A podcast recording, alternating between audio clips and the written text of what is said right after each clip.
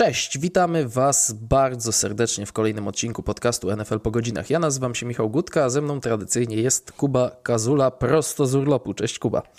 Cześć. E, spotykamy się, żeby porozmawiać w piątej z ośmiu zapowiedzi dywizji. Dzisiaj przyszedł czas na AFC East. Zanim zaczniemy się pochylać nad poszczególnymi zespołami, tak jak mieliśmy to w zwyczaju w ostatnich odcinkach, do których cały czas Was odsyłamy, bo y, rozpoczynamy drugą już połowę naszych zapowiedzi, e, to zanim przejdziemy do tych zespołów, e, przypominamy o kawkach. buycoffee.to ukośnik NFLPG, tam można nas wesprzeć. Najniższy próg wsparcia to 5 zł. Bardzo dziękujemy wszystkim tym, którzy takie wpłaty nam e, wysłali i zachęcamy do tego, żeby robić to w dalszym ciągu. Patronite będzie, odpowiadam, bo się takie y, kwestie pojawiają i w waszych notkach dołączanych do wpłat na Buy Coffee też są prośby o Patronite. Zrobimy to na start sezonu. Na pewno to wtedy światu ogłosimy. Raz jeszcze dziękujemy i zachęcamy buycoffee.to ukośnik NFLPG. Kuba, AFC East, dywizja bliska Twojemu sercu, dywizja, która też w tym sezonie generuje bardzo dużo dyskusji i w zasadzie wszystkie drużyny mają e, dużą przestrzeń medialną, tak sobie to e, ujmijmy, poświęconą. Pytałem Cię w przypadku poprzednich odcinków przy niektórych dywizjach, czy przypadkiem nie zasiadamy do zapowiedzi dywizji najsłabszej. No to odwróćmy tę kartę UNO. Czy dzisiaj nie zasiadamy do zapowiedzi najmocniejszej dywizji w NFL w 2023 roku? Moim zdaniem tak, chociaż to może się jeszcze okazać e, później, że e, bilansowo to może nie wyglądać tak dobrze z tego względu, że AFC East ma chyba najtrudniejszy terminarz w tym roku, pomijając już fakt, że wszyscy muszą grać ze sobą E, nawzajem, to jeszcze muszą grać z NFC East, czyli kolejną mocną dywizją. Co prawda to też świadczy o tym, że inna z mocnych dywizji, czyli NFC East ma trudny terminarz, ale dodatkowo jeszcze w przypadku AFC dochodzi, że oni w, we własnej konferencji grają z AFC West, czyli z kolei z Chiefs Chargers i pewnie lepszymi Broncos między innymi. Dlatego o ile wydaje mi się, że pod względem siły drużyn to, to będzie najmocniejsza dywizja, o tyle trudno mi powiedzieć, że na przykład wszystkie drużyny będą miały dodatni bilans, bo wydaje mi się, że przy tym terminarzu e, robi się to bardzo, bardzo e, trudne. Zresztą będziemy mówić o tym przy Patriots, ale ja już tu chyba powiedziałem raz, że wydaje mi się, że Patriots byli drużyną 8-9 e, w tamtym sezonie. Drużynę będą mieli pewnie sporo lepszą, a jednocześnie wcale to nie znaczy, że ten bilans będzie lepszy, więc e, mhm. E, to może być to samo przy, przy ogólnie przy całej dywizji. Natomiast jeśli mówimy tylko o sile drużyn, to na ten moment, gdybym miał stawiać, to tak, to postawiłbym na AFC East. Oby to nie wyszło tak jak z AFC West w zeszłym sezonie, gdzie było czterech wyśmienitych quarterbacków, wszyscy mieli wygrać po 10 spotkań lub więcej, a z tego balonika powietrze uszło chyba po pierwszym Monday Night Football, kiedy e, Russell Wilson grając w Seattle prowadził jakieś zagadkowe posiadanie kończące się 57-yardowym kopnięciem po wcześniej spaleniu zegara. Mroczne czasy e, dla kibiców Denver Broncos. Dzisiaj jednak nie o Denver Broncos, nie o drużynach z dywizji AFC West, a AFC E, East. No i przejdziemy sobie przez te drużyny, tak jak szliśmy e, dotychczas, przez wszystkie dywizje. Kolejność e, opowiadania, dyskutowania o zespołach to kolejność, w której te drużyny kończyły rywalizację wewnątrz dywizji w poprzednim sezonie. Stałe punkty, które sobie omawiamy, też się nie zmieniają. Bardzo jestem ciekaw tego, co nam się zrodzi w trakcie tej dyskusji. W ogóle jestem przeciekawy AFC East w tym sezonie. Mam wrażenie, że pierwszy raz od 20 trzech lat ta dywizja jest naprawdę bardzo ciekawa i to tak ciekawa przez wielkie C, bo być może właśnie najlepsza w całej stawce i tutaj e, ciekaw jestem, na koniec podamy swoje typy, ciekaw jestem jak te typy będą e, się u nas prezentowały. Ale zaczynamy od zeszłorocznego zwycięzcy AFC East, a byli nim Buffalo Bills. Buffalo Bills z bilansem 13-3, bo przypominamy, że ten mecz z Bengals, gdzie o tragedię otarł się Damar Hamlin, ostatecznie nie został rozstrzygnięty, więc e, Buffalo Bills nie zagrali 17, a 16 spotkań w sezonie e, w sezonie zasadniczym. Buffalo Bills e, po kolejnym występie w playoffach, który złamał serca ich kibiców, przeładowują magazynek i próbują zaatakować najwyższy cel w kolejnym sezonie. Najważniejszy nabytek przy przeładowywaniu tego magazynku, kto nim jest w Buffalo Bills? E, u mnie to jest dość zdecydowanie Dalton Kincaid, e, wybrany w pierwszej mm -hmm. rundzie draftu i wcale nie mówię tylko tego wyłącznie ze względu e, na jego mm, przepraszam, na jego nazwisko, a ogólnie na, na to, co ten wybór za sobą niesie. A co niesie to, że tak zacytuję pewien klasyk polskich seriali i już tłumaczę zagadnienie. I w przypadku Kincaida wydaje mi się, że problemem Bills w poprzednich latach było to, że w drugiej części sezonu ich atak stawał się dość przewidywalny, że e, tam nie było gry biegowej, oni grali cały czas w tej samej formacji, cały czas podobne zagrywki i o ile z nieco słabszymi czy średnimi drużynami wystarczał E, wystarczał świetny Josh Allen, wystarczał świetny Stefan Dix i parę innych nazwisk. No tak przychodziły te najlepsze drużyny i się okazało, że te lepsze obrony, te lepsze ataki e, są w stanie rozpracować Bills właśnie ze względu na to, e, jak grają. Chyba, jeśli dobrze pamiętam, to właśnie w tym one-one personnel, czyli jeden titan, jeden running back. Bills to dosłownie jakieś 85-90% sezonu potrafili prze, e, przegrać. Różnorodności tam było bardzo, bardzo niewiele. A Kincaid ma to zmienić. Kincaid ma zmienić to przede wszystkim, że e, Bills będą grali na dwóch Titanów, czyli razem z Dawsonem Knoxem i że będą mogli to wymieniać, że będzie trochę E, może trochę więcej gry biegowej, bo ten, e, jeśli chodzi o biegaczy, też wygląda to trochę u nich lepiej. E, ale mhm. też, e, no, że częściej będzie wychodziło dwóch Titanów na boisko, że dzięki temu będą mogli pokazać obronie jedną rzecz, a zagrać drugą rzecz, że dzięki temu na przykład obrona widząc dwóch Titanów na boisku wystawi, że tak powiem, cięższych i silniejszych zawodników, zabezpieczając się przed grą biegową, a będzie gra podaniowa i Kincaid będzie sobie wolno biegał gdzieś tam e, w środku boiska, bo jeden na jeden z linebackerem wygra, bo takim jest e, zawodnikiem. Oczywiście jesteśmy ciekawi, jak e, przebiegnie proces jego aklimatyzacji do NFL, bo wielokrotnie po, powtarzaliśmy, że jeśli chodzi o Titanów, to jest chyba najtrudniejsza pozycja pod tym względem i oni najdłużej tak. wchodzą do ligi, nawet jeśli są wybierani bardzo wysoko, no ale to jest taka zmiana przede wszystkim schema, schematyczna patrząc od strony Bills i o, Kincaid ma, poza tym, że ma być świetnym łapiącym Titanem, bo blokowania pewnie zbyt wiele to nikt od niego wymagał nie będzie.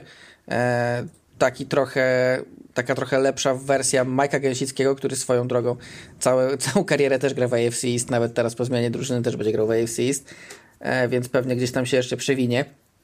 No on ma być taką lepszą wersją właśnie Gęsickiego, czyli jeszcze lepiej, e, jeszcze lepiej łapiącym Titandem, od którego zbyt wiele może nikt nie będzie wymagał blokując, ale gdzieś tam jest jakaś nadzieja, że może chociaż trochę, że może chociaż trochę pomoże. No, ale tak jak powiedziałem, to jest przede wszystkim schemat i ten, ten nowy dodatek to nie jest w zasadzie ten najważniejszy nabytek, to nie jest w zasadzie Kincaid, a nieprzewidywalność ataku, której bardzo, bardzo mocno e, brakowało w poprzednich sezonach. Ja też wybrałem Daltona Kincaida. E, razem z Dawsonem Knoxem ten człowiek musi odciążyć skrzydła i też myślę, że będzie bardzo dobrą opcją e, w tej strefie końcowej, w tej czerwonej strefie na ostatnich 20 yardach przed polem punktowym. 16 przyłożeń Kincaida w 31 meczach na uczelni. To jest bardzo dobry wynik, a ty mówiłeś o tych formacjach, personelach. Kiedyś odnosiliśmy się do tego w jednym z naszych Q&A. Taki personel, gdzie mamy jednego biegacza i dwóch tight endów, to jest 12 personal, 1-2. W zeszłym sezonie Bills mam tylko statystyki dotyczące pierwszych prób i tego, jak drużyny wychodziły ze swoją ofensywą. Bills w poprzednim sezonie, w tej dwunastce, wychodzili przy 8% pierwszych prób. Tylko Las Vegas Raiders przy 7% wychodzili rzadziej. Więc y, też jestem bardzo ciekaw tego, jak te tendencje się odwrócą, bo jeśli chodzi o ten personel, o którym ty mówiłeś, czyli jedenastkę, czyli jeden tight jeden biegacz trzech skrzydłowych, 65% przy pierwszych próbach Bills. Jestem ciekaw, jakby wyglądało to uśrednione przy każdej próbie po prostu, bo przy pierwszych próbach e, jest to wynik egzekwo szósty z Buccaneers, więc nie taki najwyższy w NFL, ale myślę, że właśnie e, to, o czym ty mówisz, pogłębiłoby nam tutaj kontekst, czyli przy drugiej, przy trzeciej próbie dalej wyglądało to bardzo często mm, tak samo w przypadku Buffalo Bills. Także tutaj też stawiam na Daltona Kincaida e, z kwestii, z powodów, o których już powiedziałeś i naprawdę byłem fanem tego wyboru. Byłem wręcz przekonany, że Kincaid pójdzie wyżej, a on zsunął się do końcówki pierwszej rundy, gdzie e, po prostu capnęli go Buffalo Bills. Tak, tak, no, mhm. zdecydowanie i jeszcze biorąc pod uwagę to, że Bills no nawet nie bardzo mieli jakiekolwiek inne e, duże nazwiska, które przyszły w tym roku. E, chociażby w wolnej agenturze jakoś mocno nie szaleli, także trzeba zwrócić uwagę na, na draft. Na w drafcie zdecydowanie Kincaid jest tym, e, jest tym najważniejszym pikiem. Jak najbardziej. E, ktoś mógłby powiedzieć, że najważniejszy nabytek, tak w cudzysłowie, to jest też fakt, że Sean McDermott będzie od tego sezonu de facto defensywnym koordynatorem po odejściu Leslie Fraziera, czyli po prostu to on będzie wywoływał zagrywki defensywne. To jest też bardzo ważne w kontekście Bills, mam pytanie, wrażenie, to, w tym pytanie, sezonie. czy to bardziej nabytek, czy bardziej konieczność, biorąc pod uwagę, co tam się działo w ubiegłym sezonie momentami. Tak, więc to taki ruch w bok, a nie żaden dodatek, dlatego ja akurat e, tylko o tym wspominam, ale tego nie wymieniałem jako najważniejszą rzecz. Najlepsza formacja Buffalo Bills. Gdzie, to, e, gdzie ta głębia jest najlepsza, talent największy? No moim zdaniem e, są dwie kandydatury ja ostatecznie postawiłem na sekundary, licząc na to, że starsi panowie dwaj na safety, czyli Jordan Poyer i Micah Hyde jednak jeszcze z poziomu nie spadną, mimo tego, że mają poważne kontuzje za sobą e, w tak. ostatnich sezonach. No ale jeśli założymy to, że, że nie spadną, no to oczywiście Hyde i Poyer to jeden z najlepszych duetów w lidze w ostatnich latach.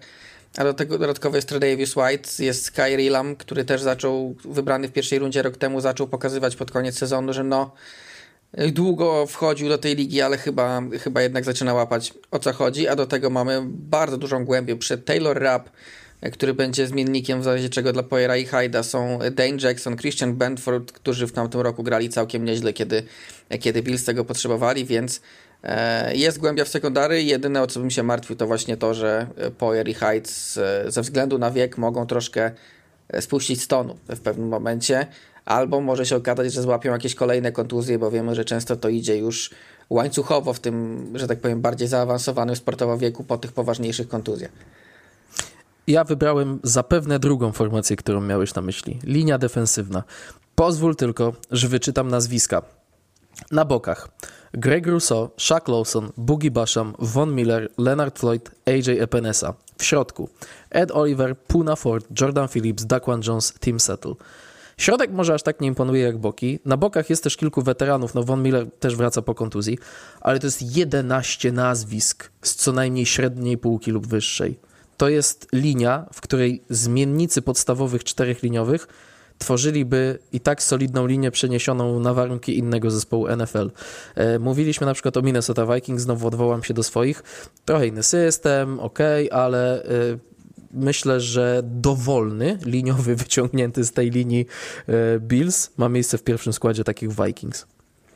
Tak, aczkolwiek ja nie wybrałem ostatecznie tej linii defensywnej z tego względu, że e, zostało mi w głowie, że, że co się działo po kontuzji von Millera w ubiegłym sezonie mhm. i że edge rusherzy Bills no, mieli ogromne problemy, że wszyscy liczyli na to, że no mówili, no dobra, Greg Russo, AJ Epinesa, Boogie Basham, po coś ich wysoko w drafcie Bills wybrali, to jest ich moment, żeby, żeby zrobić krok do przodu. No i nie do końca ten krok do przodu się pojawił. Greg Russo był najlepszy z tej grupy, ale nie aż tak dobry pewnie jak Bills by chcieli. Oczywiście teraz doszli weterani, e, Shaq Lawson, Leonard Floyd i to może być ten, e, ta opcja, która pomoże mocno Bills, nawet jeśli się okaże, że e, Miller znów będzie miał jakieś problemy zdrowotne, natomiast e, o ile tak, jest tutaj mm, jest tutaj duża głębia, ale brakuje mi tutaj takiego mocnego uderzenia z przodu, jeśli, jeśli założymy, że Von Miller dalej dochodzi do zdrowia, bo dalej dochodzi do zdrowia i tak na dobrą sprawę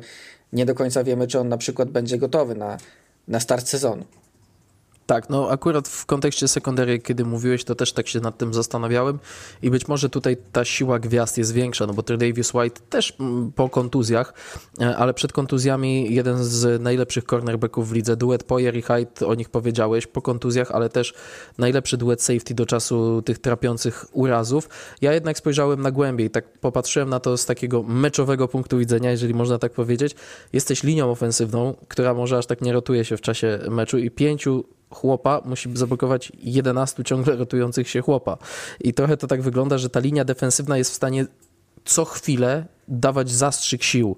To jest bardzo ważne. Na dystansie całego meczu taka głębia w trzeciej, w czwartej kwarcie potrafi zrobić kolosalną różnicę, nawet jeżeli mamy znaki zapytania co do tych zawodników tak wyjętych w próżnię, ocenianych pojedynczo.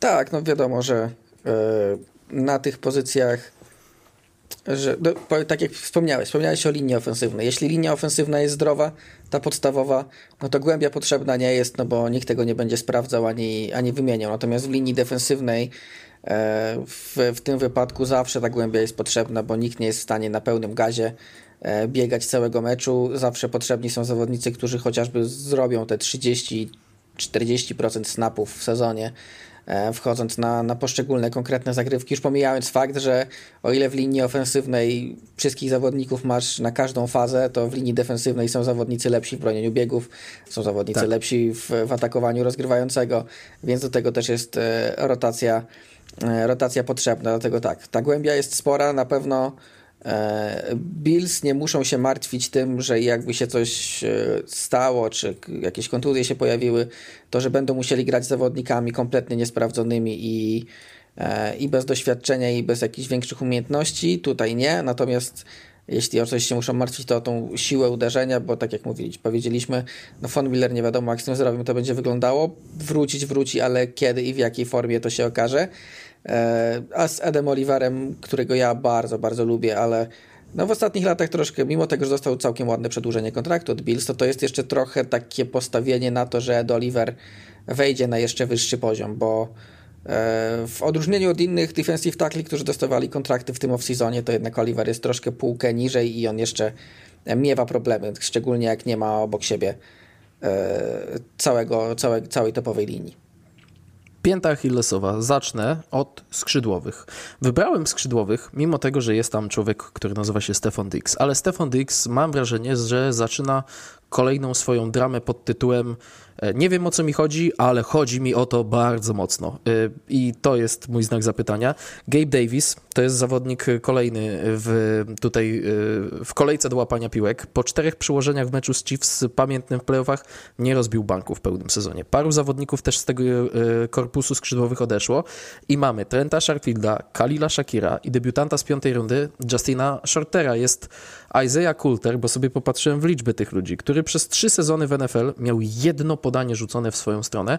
Jest jeszcze mierzący 167 cm Deontay Harty, który ma już za sobą Pro Bowl, ma za sobą All Pro, ale jako gracz wykonujący akcje powrotne. Z jego 800 yardów, które złapał w NFL, 570 e, to jest jeden sezon, a ten nadchodzący sezon to będzie jego piąty. E, dlatego Kincaid i Knox są tak bardzo ważni, bo oni de facto muszą wejść w rolę opcji 2 i 3 w e, grze podaniowej, bo ja szczerze mówiąc za żadnego skrzydłowego poza Dixem nie dałbym sobie wyrwać paznokcia u małego palca. No nie, Gabe Davis to zawodnik, na którego breakout i ten rozwój czekają Bills już jakiś czas. W tamtym roku to miał być ten wielki sezon Gabe'a Davisa, który urośnie tutaj na, na dwójkę przy jedynce Stefonie Dixie. I ale Gabe Davis dalej jest solidnym zawodnikiem i potrafi swoje zrobić e, w, w, w nawet w kluczowych momentach, o tyle no, nie zrobił aż takiego kroku do przodu, jak wszyscy się spodziewali. E, a poza nim nie ma za bardzo kim grać w tej chwili w Bills. E, na, jak na ten moment przewidywanym starterem na slocie jest Kali Shakir, który został wybierany w tamtym roku z, z, tym, z tym właśnie celem, żeby był tym graczem ze środka po Colu Bisleyu i tak dalej, po Isaiah McKenzie, który odszedł w tym off-seasonie.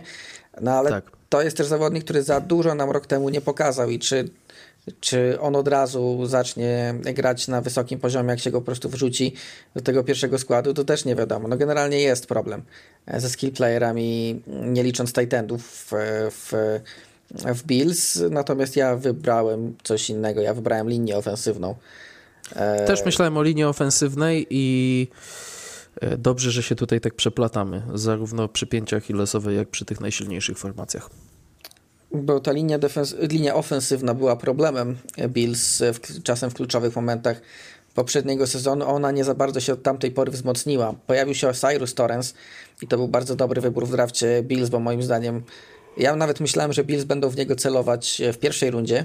Okazało się, że poczekali e, trochę i on im spadł do ich drugiego wyboru, więc to zawsze bardzo dobra e, informacja. Natomiast E, no tutaj więcej by się przydało, bo i to jest, Bills mają w, w linii, powiedziałbym, solidnych zawodników, tylko że ci solidni zawodnicy często często e, mają gorsze mecze, no kiedy trafiają na jakąś bardzo, bardzo mocny pasaż e, z drugiej strony.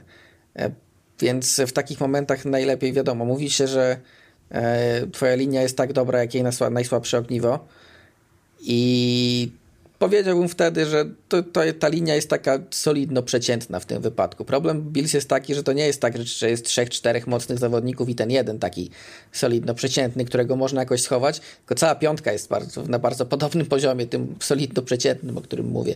Więc y, Osiris Torrens może tutaj pomóc, ale na razie y, nie wiemy nawet, czy, czy, będzie, czy będzie starterem od pierwszego tygodnia, bo to nie, nie, nie, nie wszystko jest tak wyjaśnione. Widziałem informacje o o Steelers, e, o których już rozmawialiśmy, że Broderick Jones wybrany z numerem 14 wcale nie jest powiedziane, że będzie, e, że będzie starterem od pierwszego tygodnia, to a co dopiero mówić o jakimś wybranym e, w rundzie drugiej. Widziałem też zresztą informację o Scampu Bills, gdzie beatwriterzy z Buffalo to piszą z takim dość ponurym nastrojem, ok, here we go again, czyli po raz kolejny linia zaczyna, zaczyna nam się trochę zaczyna nam się trochę łamać pod, pod naporem linii defensywnej Bills, na razie przynajmniej linii defensywnej Bills, zobaczymy jak pod innymi dalej. No ale jeśli miałbym się o coś martwić, to o to, bo, ale to też się łączy ze skrzydłowymi, no, tak jak to, co, to, co powiedziałeś. Jak będzie słaba linia, to będzie mniej czasu, żeby cokolwiek zrobić. Jak będzie mniej czasu, żeby cokolwiek zrobić, to trzeba polegać na swoich gwiazdach, a taką jest wyłącznie Stefan Dix i innych za bardzo na ten moment nie ma, dlatego trzeba liczyć na Dawsona Knoxa i Daltona Kincaida. I o ile wydaje mi się, że ta, ten atak będzie, będzie nadal dobry, bo tu jest Josh Allen, bo tu jest Stefan Dix i z tego można sporo urzeźbić, tak, no martwiłaby mnie ta linia e, ofensywna, a w dodatku zawsze jest też ten znak zapytania, ponieważ e, rok temu Ken Dorsey no, nie wyglądał aż tak dobrze jako ofensywny koordynator, jak odchodzący wcześniej Brian Dable. I pytanie, jak to będzie wyglądało e, w kolejnym roku z Dorseyem, bo może się okazać, że e, podobnie jak w przypadku Leslie'ego Fraziera, nie będą do końca zadowoleni Bills z tego, jak ich koordynator kolejny sezon wygląda.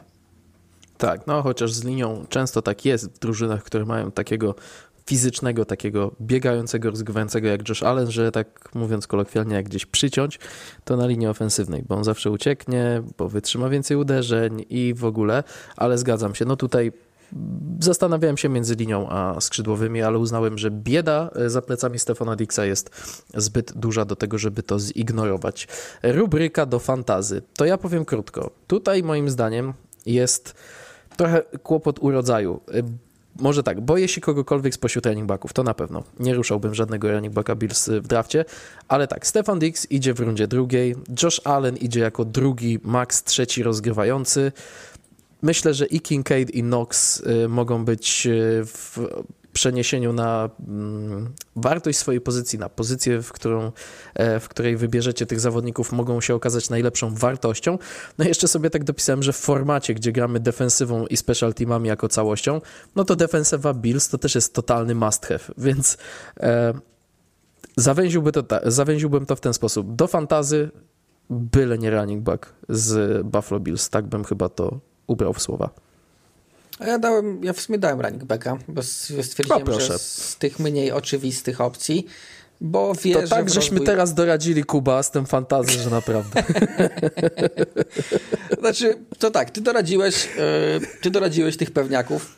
E, tak, no, których, ich jest tutaj których kilku, trzeba, po prostu. Których, których jeśli macie okazję wziąć w dobrym miejscu, to trzeba brać i nie będzie raczej problemów z tym, żeby, żeby oni... Trochę może był, bałbym się Kincaida, bo to jest jednak Titan w pierwszym roku, a wiemy, szczególnie jeśli jesteście w dynastii, to oczywiście żaden problem. Bierzecie go e, w pierwszej rundzie rookies i, i tyle. Natomiast w ligach jednosezonowych y, tu jest zawsze znak zapytania z tym Titanem w pierwszym roku. Kyle Pitts w zasadzie był jedynym w ostatnich latach, który, e, który trochę to przełamał, a i tak Kyle Pitts był uznawany za jednorożca od samego początku, więc y, i był wyznacznie wyżej oceniany niż Dalton Kincaid.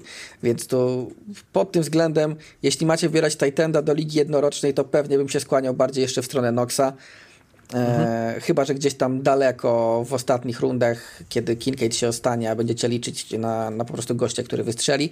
Natomiast ja wybrałem Jamesa Cooka z tego względu, bo wierzę w jego rozwój. Zauważyłem też, że Bills wierzą w jego rozwój. E, stawiają na niego. Podpisanie Damiena Harrisa w, w tym off-seasonie pokazało tylko tyle, że mm, Bills stwierdzili, potrzebujemy e, potrzebujemy dwójki, potrzebujemy tego running backa numer dwa, który będzie tam czasem pomagał, ale e, nie chcemy żadnego konkretnego weterana, który będzie tutaj liderem, ponieważ wierzymy w to, że James Cook takim liderem się stanie. James Cook zawodnik, który potrafi i i biegać i łapać, co, w, co i w fantazji, i dla Bills jest e, bardzo istotne, bo w Bills nie było to wcale takie oczywiste w ubiegłych latach. E, dlatego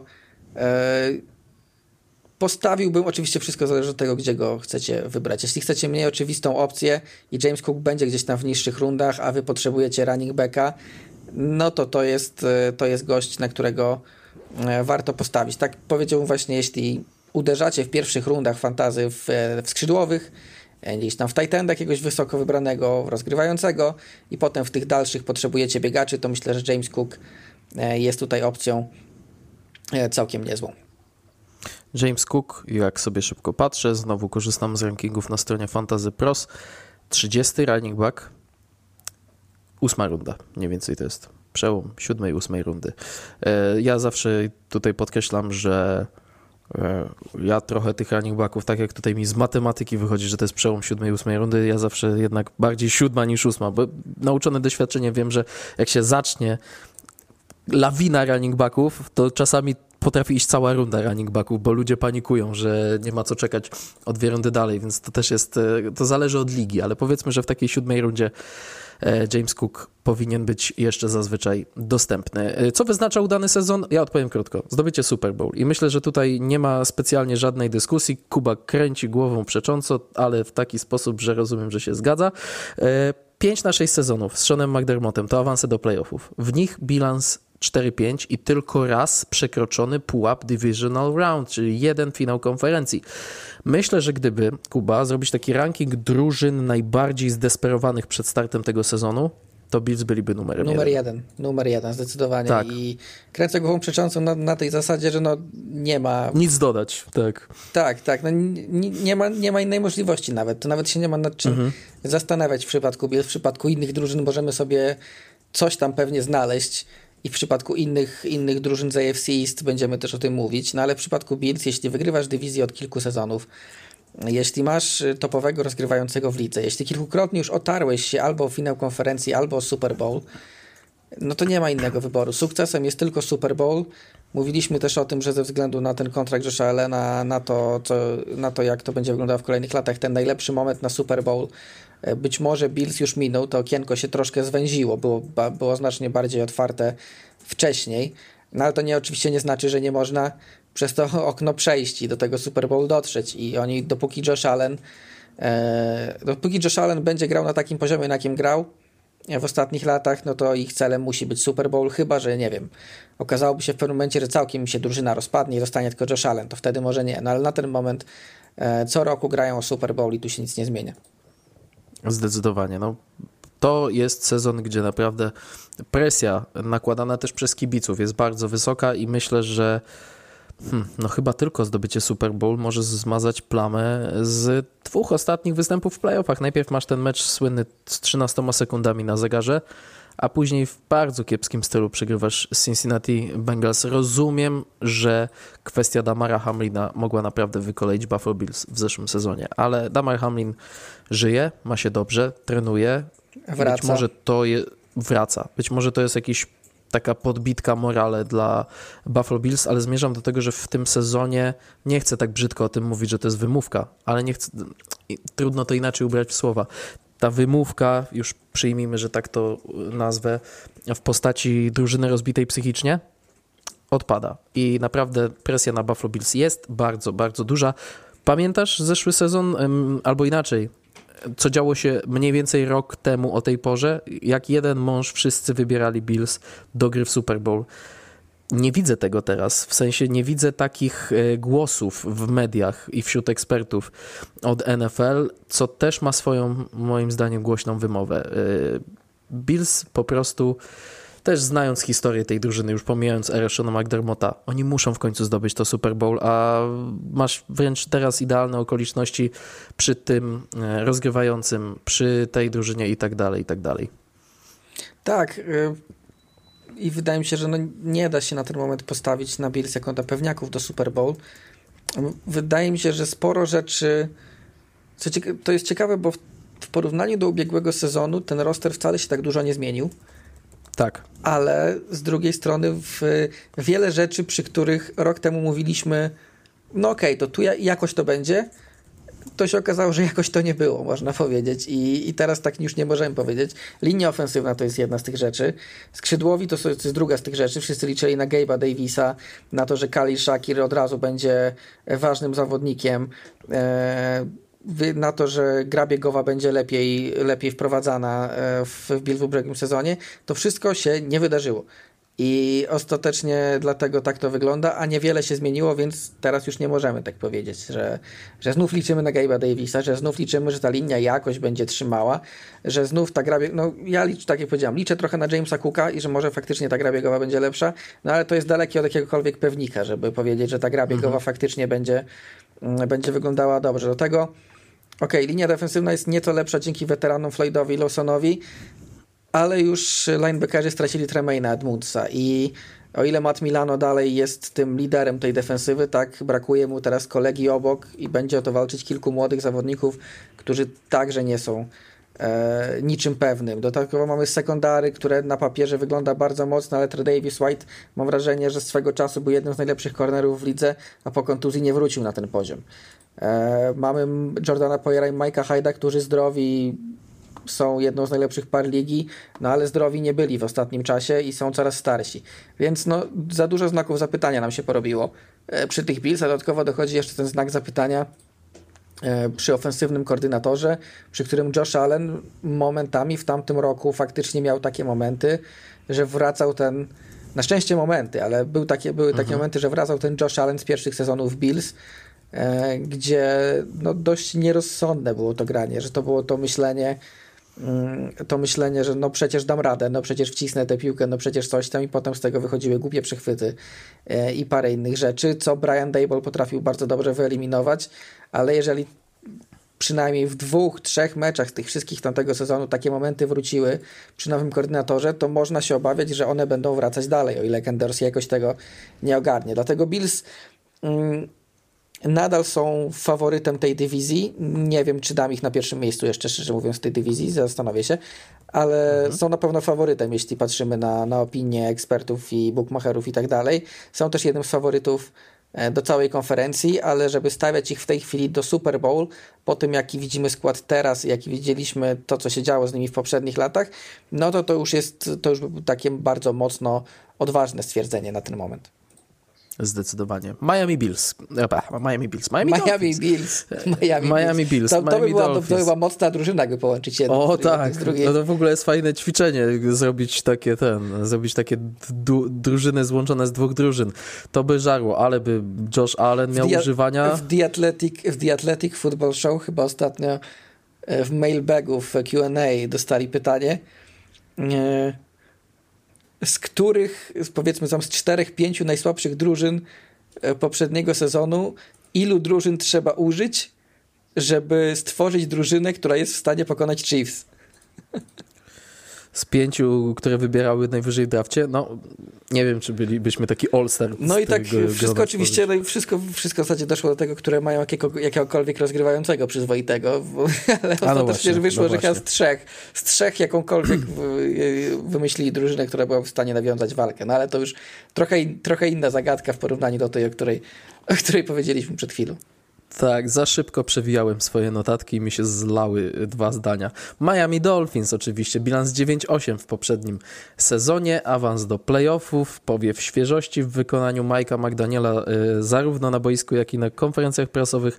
Ja akurat bardzo Majka McDaniela szybko polubiłem, wcześniej był człowiekiem z cienia, teraz z cienia wyszedł y, i w Miami buduje coś, ciekawego, ale Miami Dolphins to też drużyna, która w poprzednim sezonie narobiła apetytów, y, która też, y, jeśli chodzi o dyskusję mm, wokół niej, y, ta była zdominowana przez kontuzję głowy Tuły Tagovailoa i tak się ten sezon troszkę rozszedł w rękach. Dużo ciekawiej się to e, zaczynało niż się skończyło w przypadku Miami Dolphins w zeszłym sezonie. Jak będzie w tym, zobaczymy ale jaki jest w pierwszej kolejności, Kuba, najważniejszy nabytek, największe, najważniejsze wzmocnienie Dolphins przed sezonem 23? E, to jest pierwszy z dwóch najważniejszych nabytków w tej dywizji, taki spoiler, który nie jest zawodnikiem, bo moim zdaniem to jest Vic Fangio.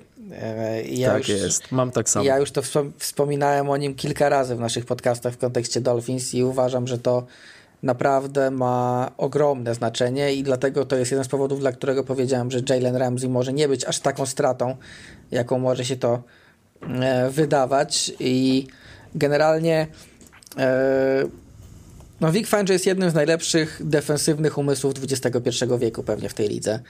E, je, jeśli czegoś brakowało Dolphins w tamtym roku, poza zdrowiem Tuły oczywiście, no to była to obrona, która w wielu, która mimo, mimo całkiem niezłych nazwisk, chociażby w linii defensywnej czy w sekundary, yy, ostatecznie no, wychodziło bardzo słabo. Jeśli spojrzymy na statystyki zaawansowane, to ta obrona Dolphins gdzieś tam yy, wielu z nich jest w dolnej połówce, kiedy yy, na pewno spodziewano się czegoś więcej. Dlatego Vic Fangio ma to zmienić i moim zdaniem zmieni to i nawet jeśli nie będzie to jakiś absolutny top, to z tej momentami przeciętnej obrony Dolphins staną się co najmniej dobrą, jeśli nie bardzo dobrą.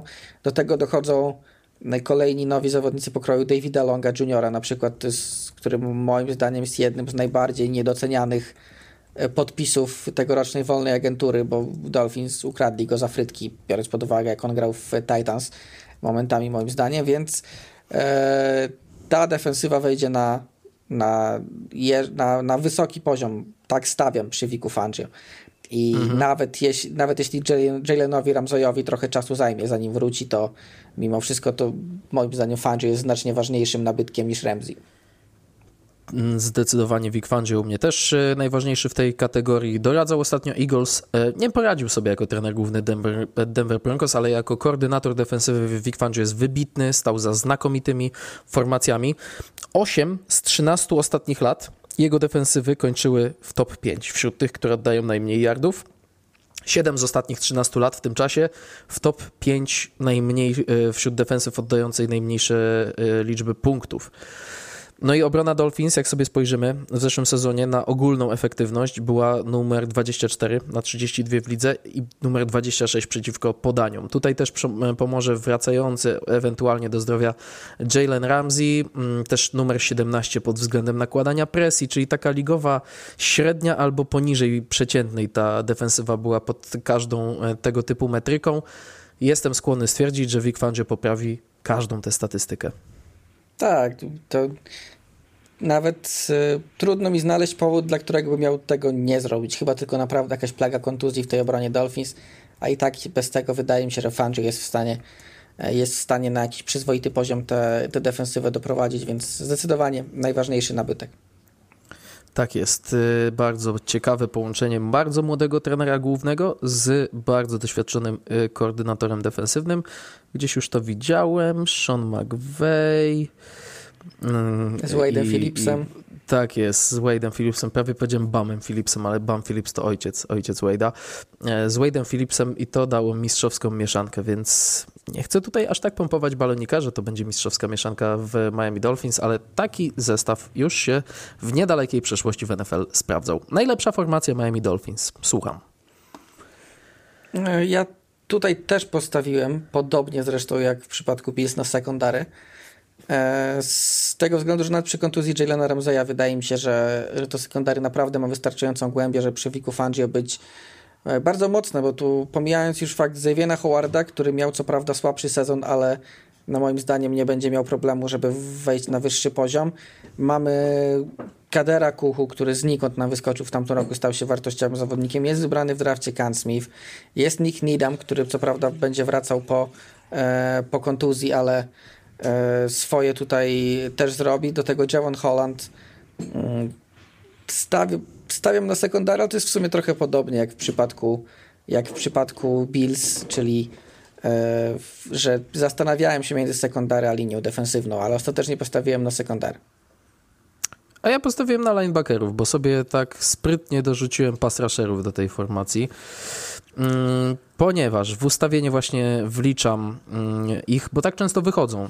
Jalen Phillips, Bradley Chubb i Andrew Van Ginkel w tej rotacji na bokach, Jerome Baker i David Long jako ci środkowi, patrolujący boisko linebackerzy. Bardzo y, kompletny zestaw, natomiast rzeczywiście, jeżeli by popatrzeć na linię defensywną i tam dołożyć tych pass czyli Philipsa i Chaba i do tego mieć linię z Christianem Wilkinsem, no to wychodzi też na bardzo mocną formację, więc tutaj zależy jak na to spojrzeć, ale wiem, że być może moja odpowiedź z linebackerami jest nieco oszukana, ale też mam, mam ten wytrych, że dzisiaj ustawienia e, linii i linebackerów nie są tak sztywne jak jeszcze 10 lat temu. E, dzisiaj to w zasadzie no, stworzyliśmy poniekąd. Pozycję edge rushera, zawsze byłeś albo outside linebackerem, zewnętrznym linebackerem, albo skrajnym defensywnym liniowym. I albo grałeś z tak zwaną ręką w murawie, albo grałeś na stojąco. A teraz taki Jalen Phillips na przykład, czy, czy Bradley Chubb gra raz tak, raz siak, raz z tej strony, raz z tej strony. I w sumie edge rusher to jest taka trochę właśnie hybryda tego defensive enda z outside linebackerem, ale na potrzeby mojej kategorii, żeby też wyróżnić takie nazwiska jak Jerome Baker i David Long, powiedzmy sobie, że to są linebackerzy. Tak, no jeśli, jeśli, weźmiemy, jeśli weźmiemy to pod uwagę w ten sposób, no to faktycznie Jalen Philip, Bradley Chubb, David Long, Jaron Baker to zdecydowanie bardzo mocna formacja i wydaje mi się, że tak, nawet najlepsza. Nawet jeśli, tak jak weźmiemy, podejdziemy do tego w ten sposób, co ty, to, to tak możemy, możemy to nazwać. Szczególnie, że no ten, edge, ten edge rusher powstał nam z tego względu, że Zawodnicy potrafią grać bardzo różnie w zależności od tego, w jakim systemie grają i w jednym przypadku edge rusherem będzie gość właśnie będący e, w tej formacji z czterema defensywnymi liniowymi na zewnątrz. Inna to będzie formacja z trzema defensywnymi liniowymi, czterema linebackerami, to będzie ten zewnętrzny linebacker i tak to już się wszystko nam się połączyło ładnie w pozycję edge rushera, e, bo nawet to też e, swoje zrobił tutaj draft, bo często trudno przewidzieć, jeśli jakiś zawodnik jest pass rusherem, gdzie on dokładnie będzie grał, w zależności od tego, gdzie trafi, czy faktycznie będzie tym, sto, tym linebackerem stojącym na dwóch nogach, czy tym startującym z pozycji trzech punktów podparcia. E, tak. Ale tak, tak, ci linebackerzy to naprawdę mocna grupa, a Andrew Van Ginkel to tylko e, dodatek taki, który jeszcze tam z tyłu tworzy głębie za tymi naprawdę mocnymi zawodnikami.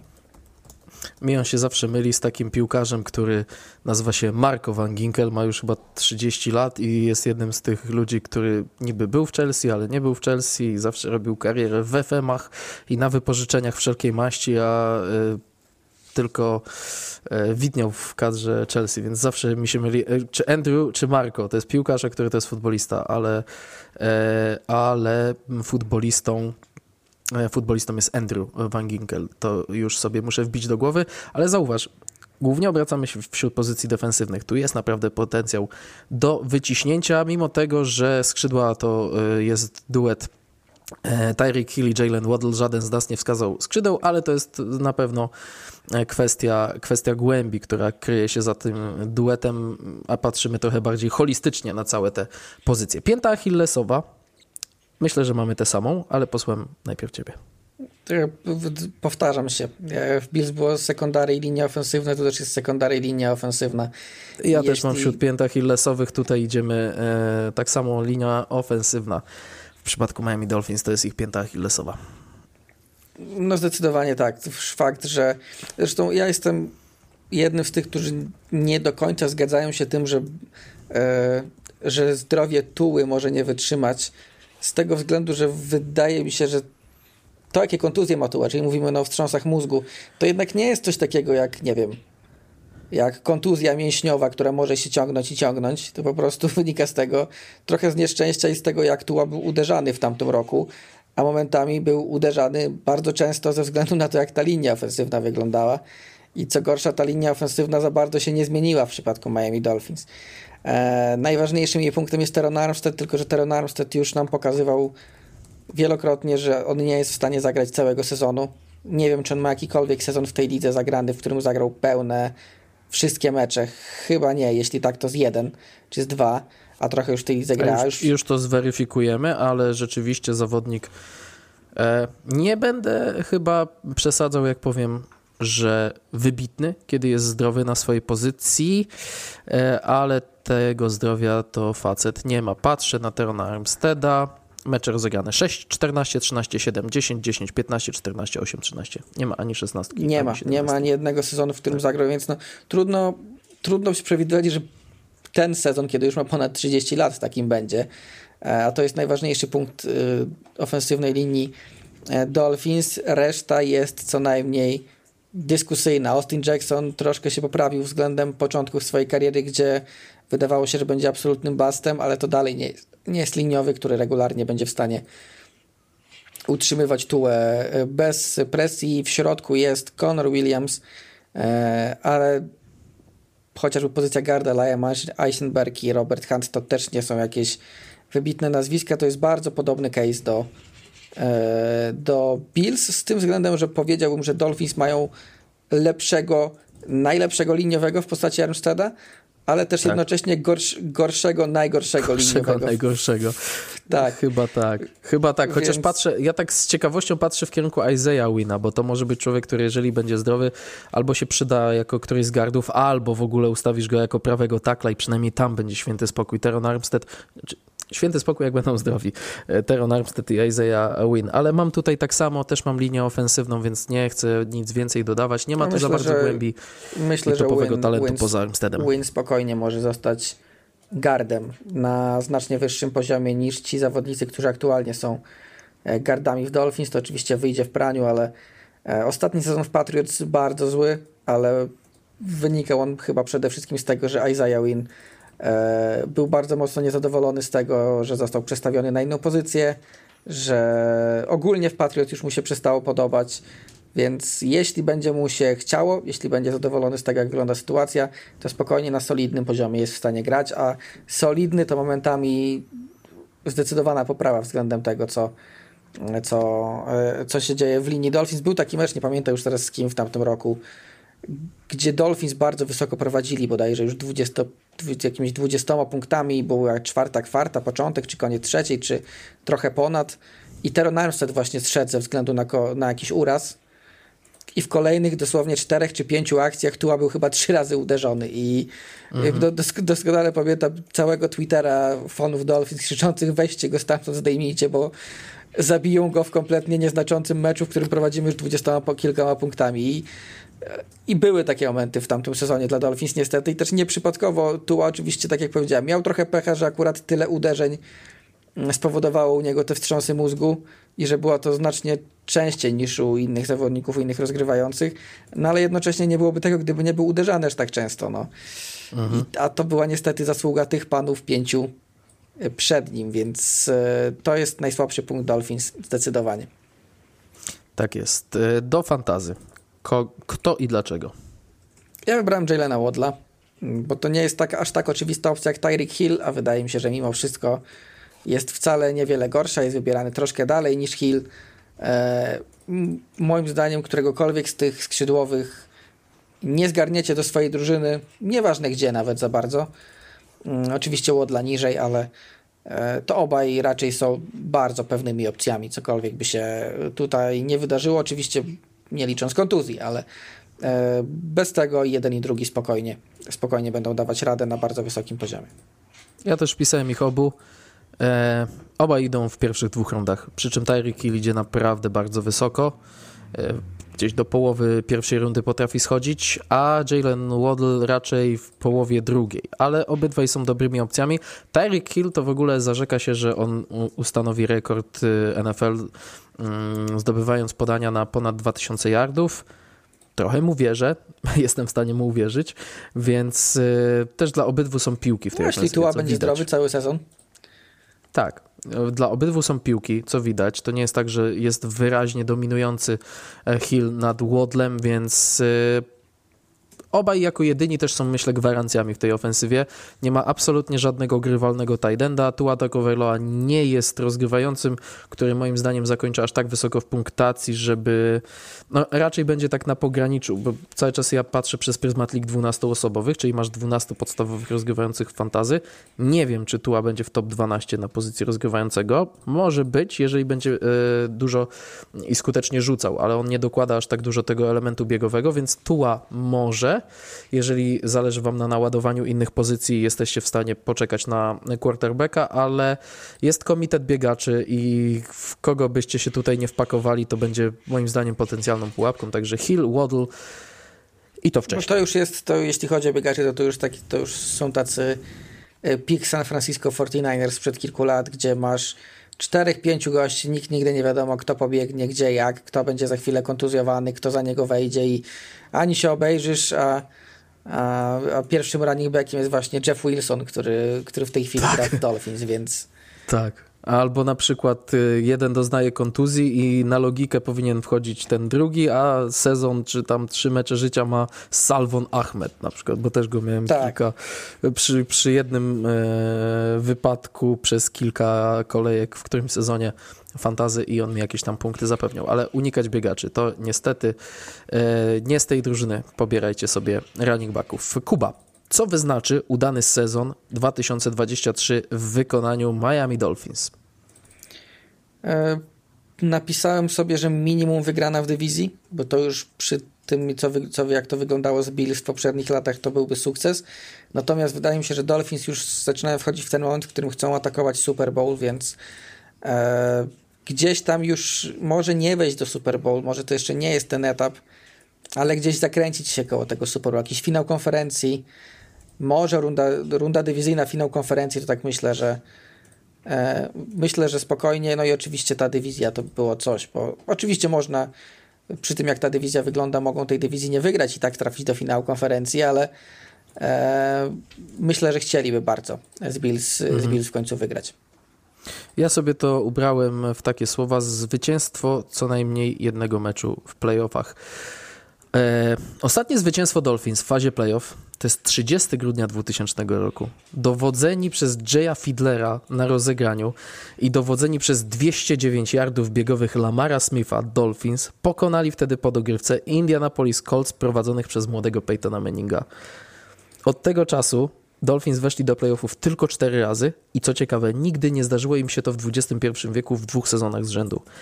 Ten sezon to musi być sezon z wejściem do playoffów. To w ogóle te dwa sezony z rzędu w playoffach to jest y, coś do odfajkowania obowiązkowo. To w ogóle nie stawiam jako cel, czy nie stawiam jako warunek y, udanego sezonu. Nie, udany sezon to jest wygranie meczu w tej fazie posezonowej, bo jak wejdziemy w tegoroczne playoffy, to będzie to już skończone, y, to będą to skończone 23 lata. Więc tak po prostu no nie może być. W przedostatni dzień e, obecnego roku ta seria, ta posłucha Dolphins skończy 23 lata, więc to stanie się jeszcze w trakcie trwania sezonu zasadniczego 2023. Nie można być drużyną, która tyle znaczy też dla historii NFL, co Miami Dolphins i mieć tak wstydliwego no ćwierćwiecza już w tym momencie. No tak, tak, zdecydowanie tak. No fakt, że nie wygrali w XXI wieku żadnego meczu w playoffach, no to... Dwa dni przed końcem XX Dwa wieku. Dwa dni tak. przed końcem, tak. To trochę byli blisko, no ale jednak nie. Jednak to, to jest nadal 20, 23 lata bez sukcesu.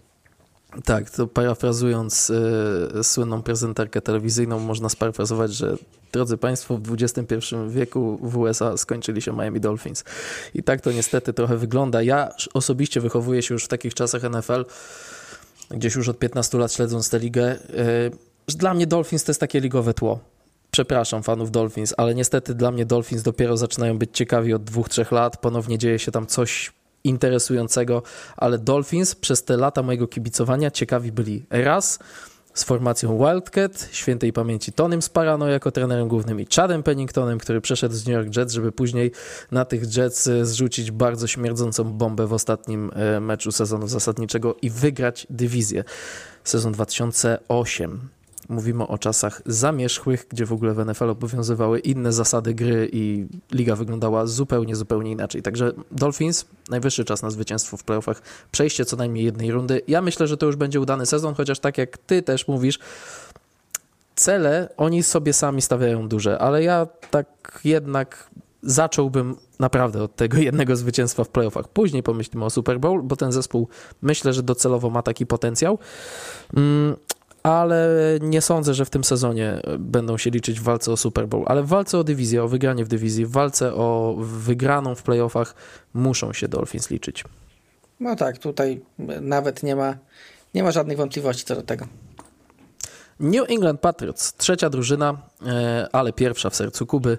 Bilans 8-9 w minionych rozgrywkach. E, no i cóż, New England Patriots, o których nawet w latach posłuchy jest głośno, pokłosie dynastii cały czas robi swoje. To jest zespół, który ma dużo fanów. Mam takie podskórne przeczucie, że ta dywizja będzie miała najwyższą słuchalność z naszych wszystkich zapowiedzi i to jest y, zasługa gigantycznego wręcz kontyngentu fanów Patriots wśród polskich fanów NFL. E, pozdrawiamy ich wszystkich no, bardzo nie serdecznie. Nie wiem, jeszcze, jest, jeszcze będzie AFC West, gdzie mamy wielu fanów Raiders i wielu fanów Chiefs nam się zrobiło w ostatnich latach, więc...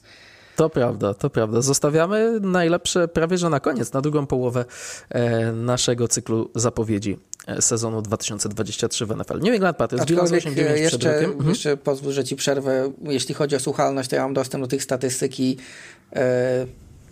No nie powiem, że zaskakująco, ale dywizje South na razie słabsze liczby kręcą niż, niż dywizje, niż dywizje North i jakoś, jakoś nie jestem zaskoczony. Piotrek Bera y, musi przesłuchać podcastu NFC South tysiąc razy i wtedy te liczby wtedy te liczby się, się poprawią. No ale wiemy doskonale, dlatego też y, trochę celowo w tym off-season tak podeszliśmy do tematu, żeby to rozbijać na dywizję, no bo są dywizje, które mogą, nas, y, mogą was najzwyczajniej w świecie nie interesować i sobie odpuścicie.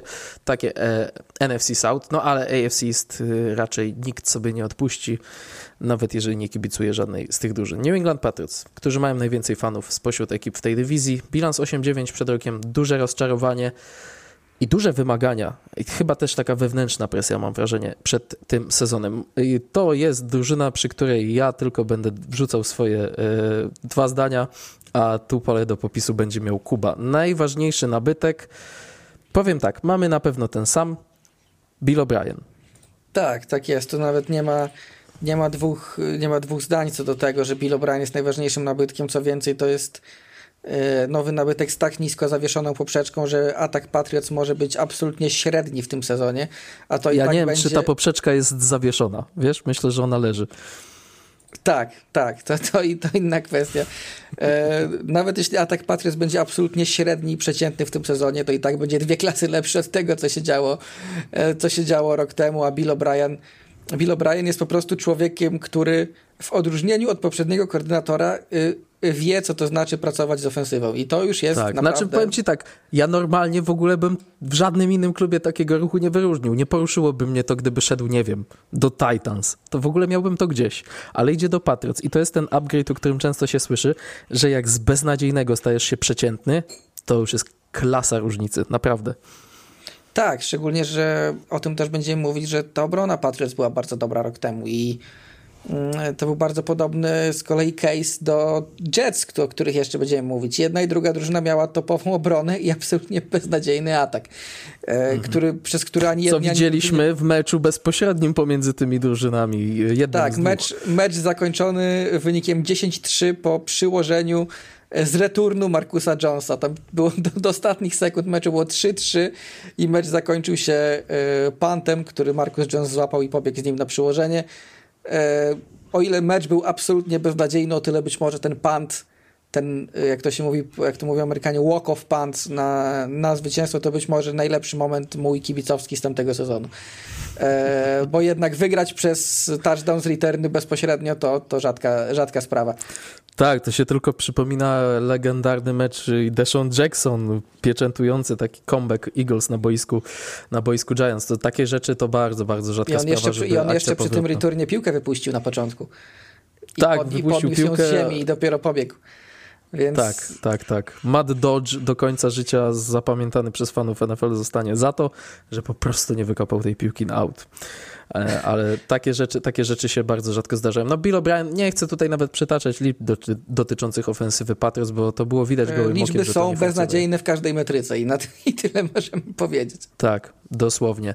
E, także Bill O'Brien e, trochę po znajomości, nawet nie trochę, mocno po znajomości z Billem Belichickiem dostaje tę posadę, ale biorąc pod uwagę okoliczności, w jakich przejmuje stery ofensywne, to trzeba się cieszyć. Po prostu trzeba dużo, znaczy może nie dużo wymagać, ale trzeba mm, powiedzieć, że to jest naprawdę duża poprawa względem minionych rozgrywek. Najlepsza znaczy, formacja. To jeszcze, mhm. zanim tego dojdę, sam fakt, że już pomijając, y, że, że w każdym momencie oczywiście Zresztą zawodnicy Patriot są tak uczeni, żeby nie mówić zbyt wiele mediom, bo to wiadomo, szkoła Billa Belicika i tak dalej. Natomiast w każdym wywiadzie e, ofensywnych zawodników można wyczuć, że no, są zadowoleni, że to wygląda znaczy, to nie wygląda nawet jakoś dobrze, tylko to wygląda normalnie. Zresztą mam wrażenie, że Mac Jones użył takiego stwierdzenia na początku kampu, że no, no jest po prostu normalnie i to jest dobrze. Po, i, to, i, to, I to jest dobrze, że jest normalnie po prostu. Natomiast tak. z kolei chyba Kyle Dagger, czyli lider obrony, z kolei mówi, że no okazuje się, że e, tak przy Billu O'Brienie ten atak no, jest troszkę nieprzewidywalny, bo wcześniej to tak w zasadzie bo wszystko rzuca, wiedzieliśmy, co oni rzuca. będą robić rzuca, to jest element nieprzewidywalności. Tam latają piłki, tak, to celne. tam latają piłki i nie tylko na screeny.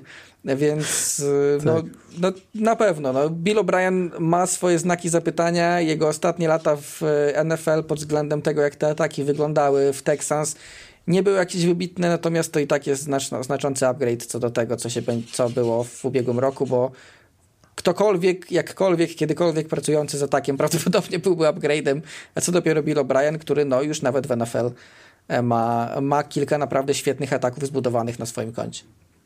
Zdecydowanie. No, e, czasami trzeba coś stracić, żeby taką nawet rutynę i e, szarość dnia codziennego docenić. I w takiej sytuacji trochę znajdą się fani Patriots. Najlepsza formacja w New England.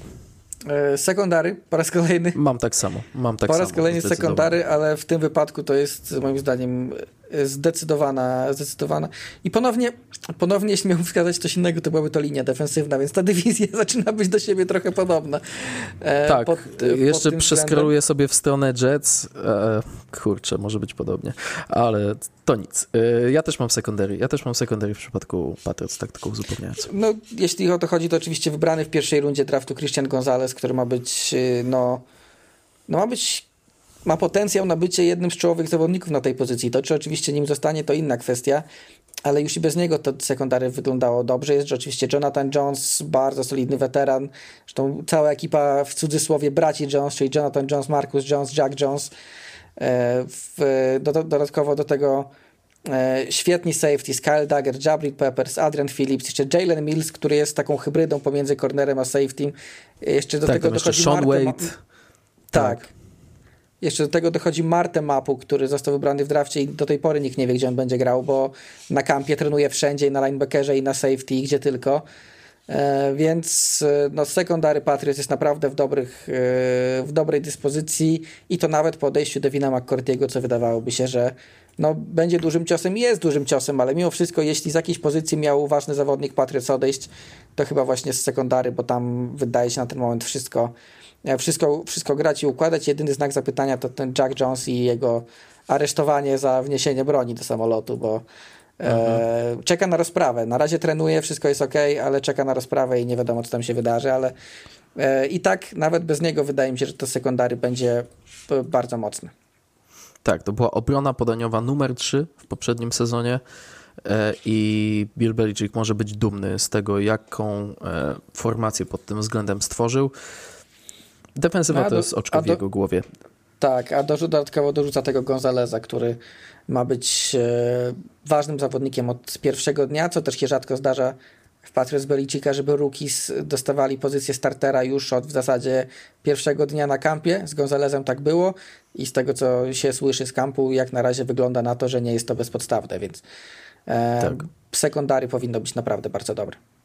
Tak, no ja tutaj nie miałem żadnego problemu z wybraniem tej najmocniejszej formacji. Oczywiście tam wspomniałeś, że chodziła ci po głowie linia defensywna, ona też wygląda bardzo porządnie. Też jest e, to formacja głęboka, więc to tutaj działa na jej korzyść, ale Secondary jest głębsze i lepsze w swojej głębi, tak bym to określił. Tutaj naprawdę czterech safety, którzy są na tak wysokim poziomie, gdzie drużyny mają czasami problem, żeby mieć dwóch klasowych. No to jest, y, to jest naprawdę duży luksus mm, i taka formacja, która może pozwalać Patriots na to, żeby y, zrzucić jak największą liczbę zawodników do krycia o różnej charakterystyce, kombinować, naprawdę może się zabawiać e, na wszelkie sposoby z tym zestawem zawodników Bill Belichick. Pięta Achillesowa. Zanim oddam Ci głos, to powiem tak.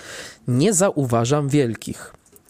Skrzydłowi z Davante Parkerem, Juju Smithem Schusterem i Taekwonem Thorntonem jako tymi podstawowymi opcjami są tacy po prostu meh zupełnie. Nie grzeją, ale nie, nie ziębią, więc może nie są największą e, piętą achillesową. Wśród tight jest w porządku, linia ofensywna nie jest tak dobra jak dawniej, a przede wszystkim nie ma takiej głębi. Więc, czy wygłoszę herezję, jeżeli powiem, że rozgrywający jest piętą achillesową Patriots? Moim zdaniem, znaczy możesz tak, można tak powiedzieć, ale moim zdaniem jednak ta linia jest, jest piętą achillesową w tej chwili. I tak, no bo Mac Jones zaliczył duży krok w tył, ale powiedzmy, że to jest sezon Mata Patrici. Wy, w ogóle wypisujemy go poza margines. Nie było, żałujemy, będzie lepiej. Więc pod tym względem trochę bym się krygował przed takim wyborem, dlatego gdybym ja miał ubrać piętę achillesową w słowa, to ja bym powiedział głębia w ofensywie. Może tak bym to bardziej ujął, że tutaj wyjściowa jedenastka zawodników, którzy będą jakoś dobierani wśród y, running backów, tight endów, skrzydłowych, mm, ci podstawowi goście, to nie jest najgorszy zestaw. Ale jak już cofniemy się do opcji 3, do zmienników wśród linii ofensywnej, no to zaczynają się duże problemy. No to tak, aczkolwiek jeśli wystawisz tych pod tę najlepszą jedenastkę, to i tak jest na ten moment ogromna dziura na prawym taklu. E, więc ta linia ofensywna swoje. Nie jeszcze... dziura, tylko drzwi obrotowe, czyli Riley Reef.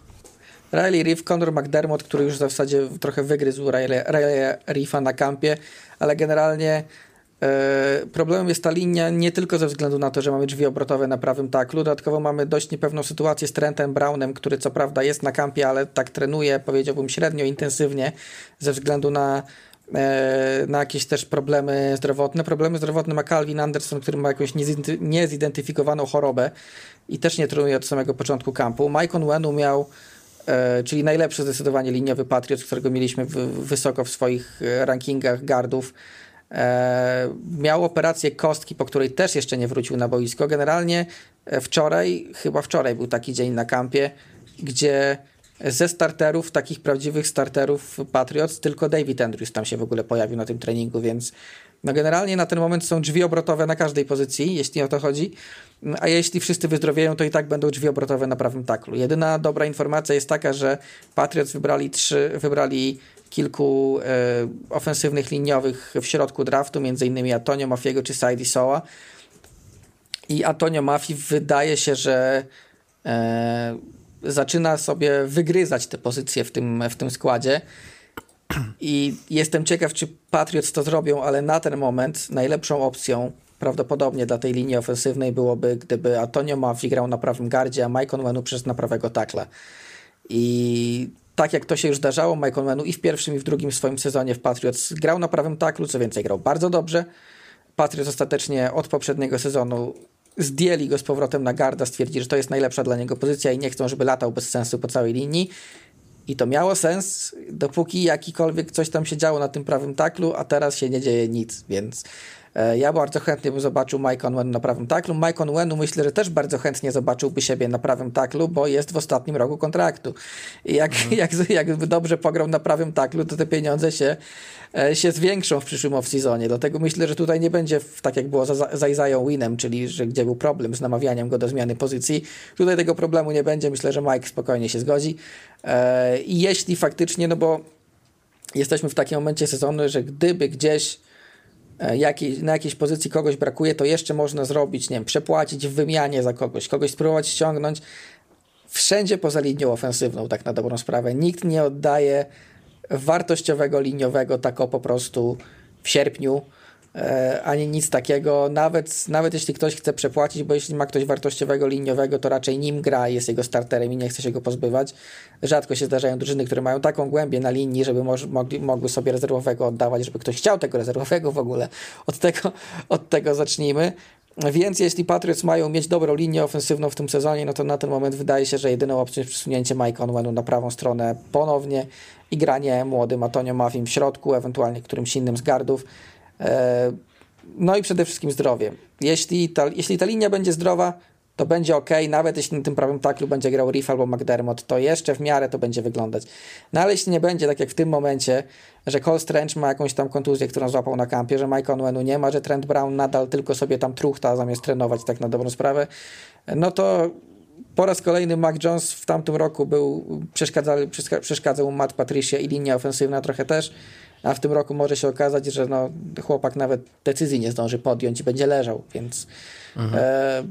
e, wolałbym nie. Miejmy nadzieję, że, e, że ta pięta Achillesowa nie będzie aż tak mocna, jaka, jak, nie, aż tak poważna, jaka wydaje się e, w tej chwili o tej głębi na e, pozycjach e, wśród ofensywnych liniowych jest tak mało, że tak patrzę na ten skład, a tutaj Bill Murray. Już sobie pomyślałem, nie no, facet ma ponad 70 lat, przecież w pogromcach duchów i w Dniu Świstaka to grał gdzieś zanim ja się urodziłem, ale to nie jest ten Bill Murray, ale to już by była desperacja. Przekonwertowany defensywny liniowy swoją drogą z tamtego roku, więc to też sporo tak. mówi o tej głębi, że nawet byli defensywni liniowi tam się zaczynają pojawiać. Generalnie głębi w Patriots nie brakuje, tylko brakuje prawego takla. bo, tak. bo myślę, że w środku faktycznie ci młodzi wybrani, czy Bill Murray, który swoją drogą ponoć na kampie bardzo dobrze wygląda. E, czy Cody Rassi... Ten, o którym mówię, ma 72 lata, tak uściślimy, że nie mówimy o tym samym. Nie, nie mówimy o tym samym.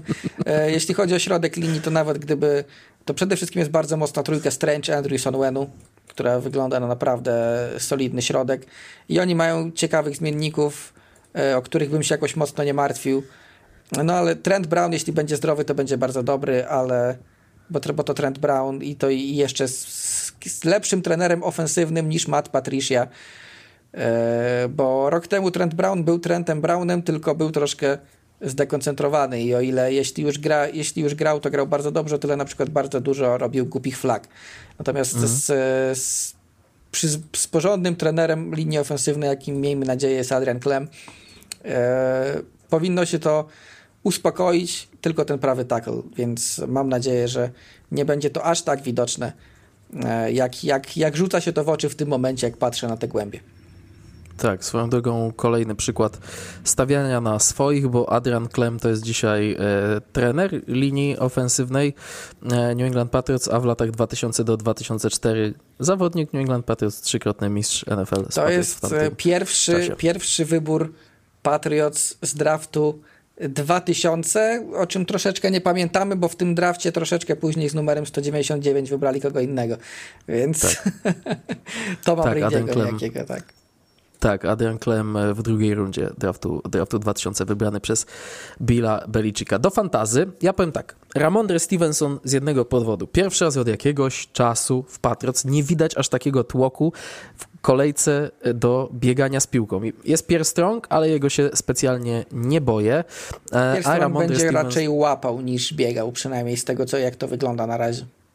Tak, no jest jeszcze Ty Montgomery, JJ e, Taylor, e, ale mm, patrzę sobie na rankingi i Ramondre Stevenson jest wśród 10 najwyżej wybieranych running backów, a więc znów opcja na to, żeby zasadzić się na Stevensona e, wcześniej i jeszcze dorzuciłbym jednego zawodnika, to jest Juju Smith-Schuster, bo jak patrzę, że on jest skrzydłowym 42, a więc mniej więcej czas na niego przychodzi na przełomie rund 7 i 8, a on w tej klasyfikacji PPR, gdzie zawsze punktujemy pełnym punktem za złapane podanie, zbiera dobre cyferki. Ja w ligach PPR Juju Smitha-Schustera miałem go w zeszłym sezonie, potem go gdzieś tam wymieniłem, ale miałem go e, i on mi dobrze punktował. Miałem go jeszcze jako zawodnika Steelers i on tych piłek sobie zawsze połapie, więc e, do fantazy z ofensywy, celowo tak zaznaczam, brałbym któregoś z tych dwóch, a przed resztą bym troszkę przestrzegał. Tak, to znaczy przy Ramondre trzeba zauważyć, że Patriots dość mocno szukają na rynku yy, weteranów, jeśli chodzi o biegaczy. Byli zainteresowani Dalvinem Cookiem, na wizytach byli Leonard Fournette czy Zeke Elliott i jest spora tak. szansa, że, że Patriots kogoś przed początkiem sezonu podpiszą. Natomiast yy, nawet jeśli podpiszą, to Ramondre się nie bójcie, bo ten podpisany zawodnik i tak będzie dwójką do jedynki, jaką jest Ramondre, że Patriots w tej chwili bardziej szukają takiego Damiena Harrisa z poprzedniego roku, który jest uzupełnieniem Stevensona, niż gościa, który będzie jakieś strasznie duże strasznie dużo e, piłek zabierał Stevensonowi. Zresztą myślę, że z tego względu też pojawiła się informacja, że Patriots nie do końca są już zainteresowani Dalvinem Cookiem. E, stawiam, że wynika to z tego, że Cook nadal szuka bycia E, albo jedynką, albo przynajmniej 1B przy 1A, a nie tą dwójką przy jedynce, czego szukają e, Patriots. Więc Ramondra jak najbardziej. Juju, wydaje mi się, że w, w systemie Billa O'Briana e, szczególnie w PPR, nawet jeśli nie będzie robił super yardów, to piłek będzie łapał sporo, a on do tego tak. pasuje, dlatego tak, te dwie opcje najbardziej. No i oczywiście jeśli gracie z obroną, no to obrona Patriots no to wydaje się, wydaje się pewniakiem kolejny rok. Kolejny rok z rzędu. Dostaliśmy pytanie o to, mhm. o, o granie indywidualnymi obrońcami. Mm, tak, są takie ligi. są takie ligi. Są takie ligi ja akurat, się tak... szczerze mówiąc, wolę, znaczy tylko uzupełnię, ja może nie wolę, bo gram i w takich i w takich, ale większość znaczna lig, w jakie, w jakie grałem w życiu, to były ligi, gdzie po prostu defensywę i special team wrzucało się w jeden wór. O tyle to lubię, że nie przepadają w tej formatce punkty za przyłożenia z akcji powrotnych i to jest taki mini argument y, gdzieś na tą korzyść, ale indywidualni gracze defensywni też y, jest taki format. Wybieracie sobie na przykład trzech czy czterech obrońców y, z podziałem na pozycję albo bez podziału na pozycję, bo czasami jest to określone, że to muszą być jeden liniowy, jeden taki, jeden siaki. Ale tam punktowanie jest inne, tam punktuje się już za rzeczywiste osiągnięcia tego pojedynczego zawodnika. Tak, i chociażby w nieoficjalnych mistrzostwach Polski fantazy, w którym wiemy, że wiele osób gra, ja również. Yy Wiemy, że jest taki, jest taki podział, dlatego dostaliśmy też między innymi pytanie, że jak, jak to, żeby na przykład może zwracać uwagę na tych indywidualnych, defensywnych zawodników. Może niekoniecznie będziemy zwracać, ale możemy powiedzieć, na co zwracać uwagę, jeśli macie ligę z pojedynczymi zawodnikami. A zwracać uwagę trzeba przede wszystkim na to, jak, punktowane, jak punktowani są obrońcy w waszej lidze. To jest najważniejsza rzecz.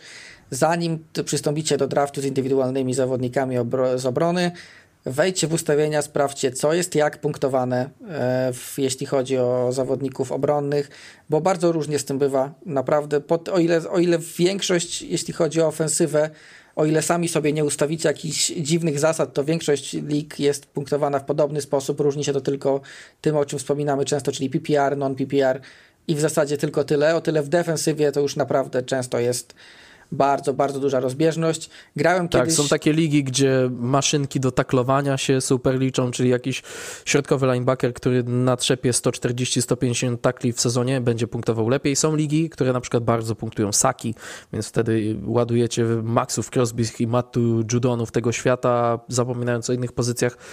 Na pewno zawsze dobrze punktowane są przechwyty i przyłożenia po przechwytach, ale to jest najrzadsze jest osiągnięcie. I najtrudniejsze do przewidzenia, kto te przechwyty będzie łapał, bo to tak, tak, tak. A jeszcze, roku... żeby zrobił akcję powrotną i zdobył przyłożenie, Eda Rida już nie ma w tej lidze od dobrych 10 lat, więc reszta to więc, zgadywanka. No jeszcze z kornerami jest ten problem, że możesz wziąć najlepszego kornera w lidze, a potem się okaże, że będzie tak dobry, że w jego stronę nikt nawet nie będzie rzucał, więc... No tuż to przechwytów z tego. Randomowy środkowy linebacker zazwyczaj w tej formatce jest lepszy niż najlepszy cornerback ligi typu Sos Gardner albo Jalen Ramsey.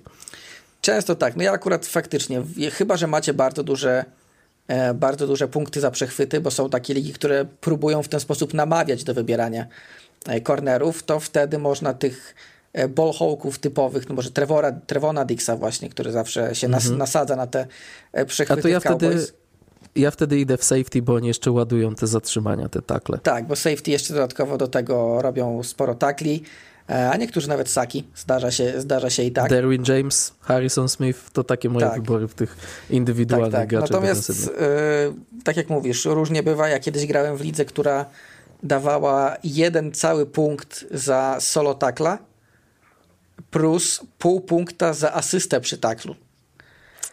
Tremaine Edmunds w tej lidze potrafił mi zrobić 20 punktów na mecz, także... No właśnie, no właśnie, to tak już trochę...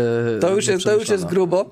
Natomiast jeśli macie takie klasyczne, czyli to jest gdzieś e, pół punktu za solo takla, bez punktów za jakieś asysty przy taklu, do tego saki za jakieś 4 punkty zazwyczaj, punkt za tackle for loss, jakieś 4 punkty za przechwyt, to wtedy najbardziej się, wtedy jest pytanie do Was, czy chcecie bardziej opcję bezpieczną, czyli linebackera, który da te 3, 3,5 punktu, 4 na mecz, ewentualnie dorzuci saka, bo tam czasem się zdarza, albo przechwyt, czy chcecie właśnie jakąś gwiazdę na pozycji edge rushera, która jakby nie patrzeć, no produku, produkuje może się zdarzyć, że będzie miał mecz bez saka i wtedy skończycie z pół punkta za jeden solo tackle albo coś takiego. Mhm. Ale z kolei może mieć taki mecz, że będzie miał trzy saki albo, co, albo inaczej.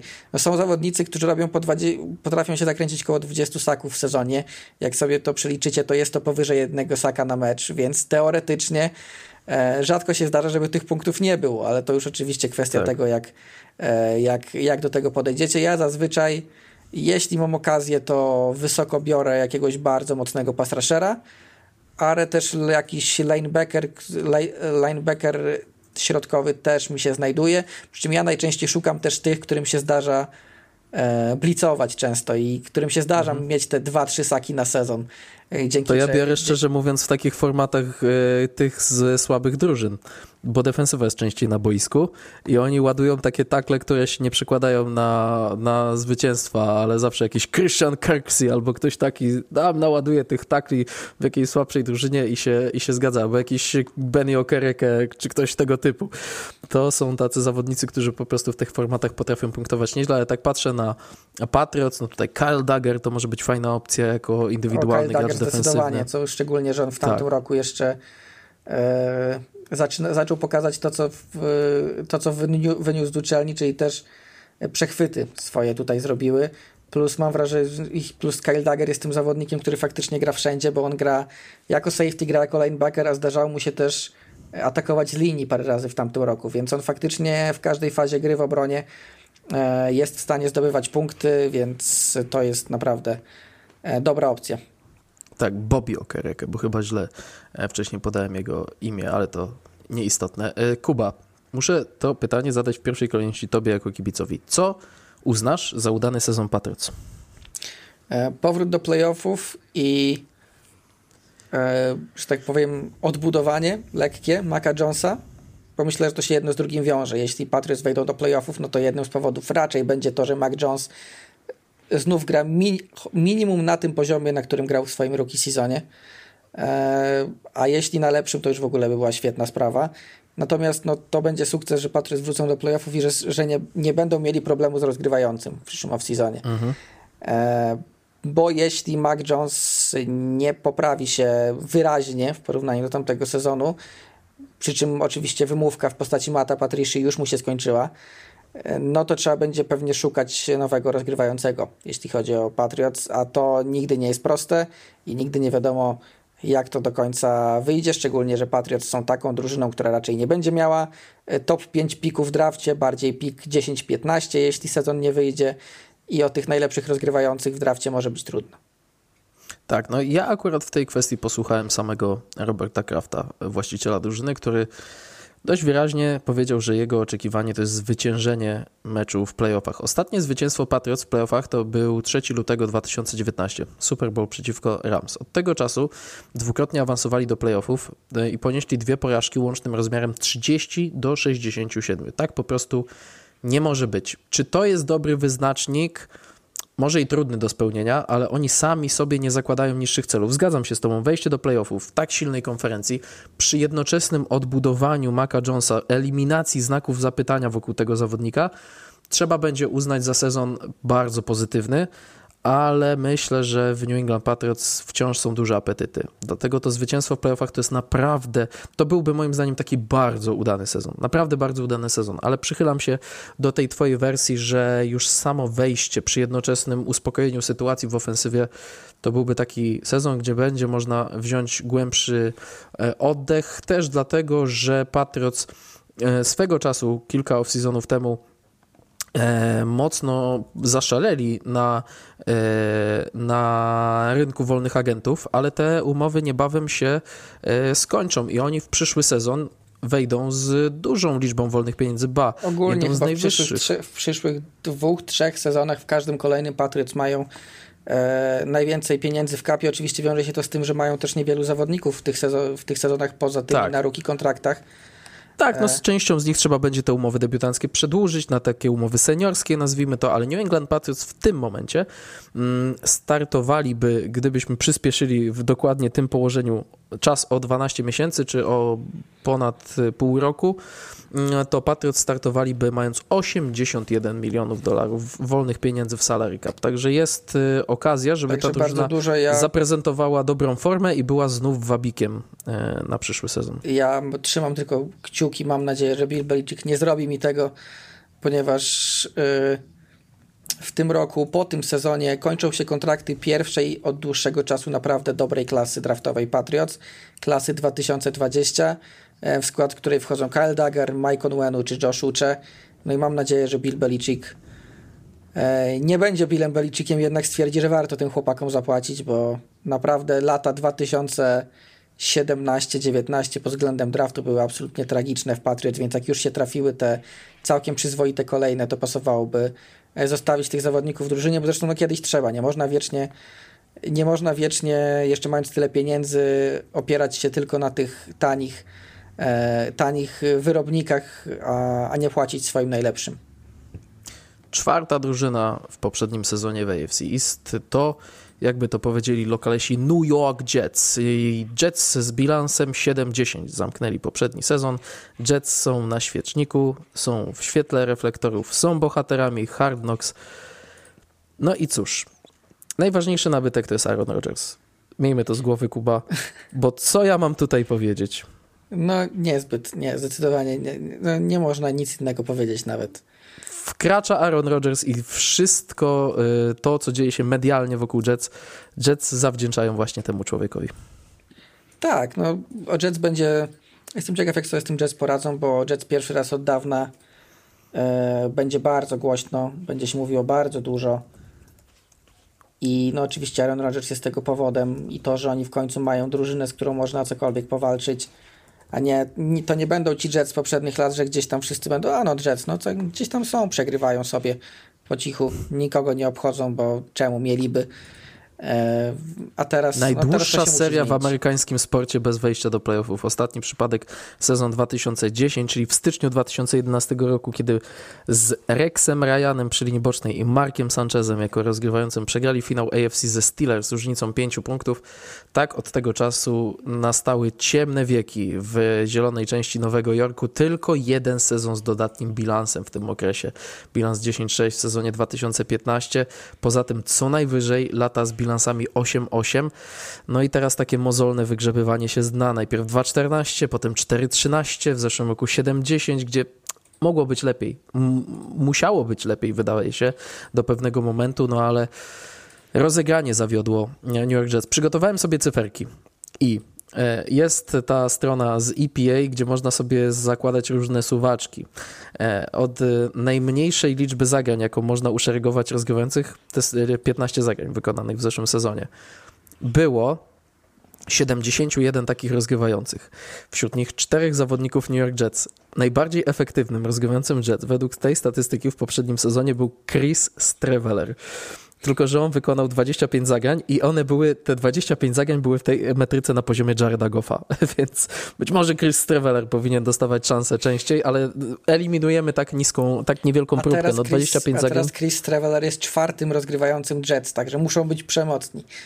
Tak, no musiał być świetny po prostu, ale 25 zagrań na poziomie Jareda Goffa to nie jest wy, wymierna próbka, więc ym, patrząc już na innych, którzy łapali się w te widełki, no jest to po prostu, mówiąc szczerze, masakra. 71 rozgrywających się w te widełki łapało. Mike White, numer 43. Zach Wilson, numer 52. Joe Flacco, numer 53.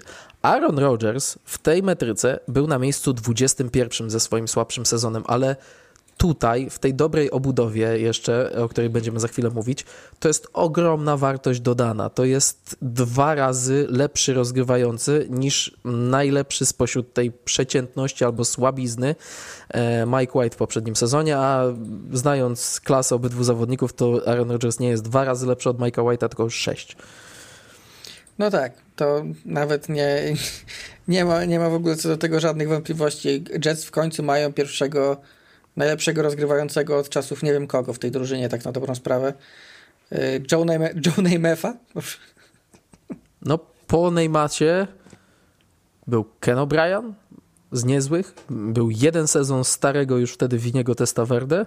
Była niespełniona obietnica Chada Penningtona, który chyba dwa czy trzy razy w życiu wygrywał Comeback Player of the Year, co już wam mówi o tym, jaką on miał za sobą karierę. No i, e, no i te dwa sezony Marka Sancheza w, tak, te dwa finały konferencji Marka Sancheza, gdzie to koledzy nieśli Marka Sancheza, a nie on ich.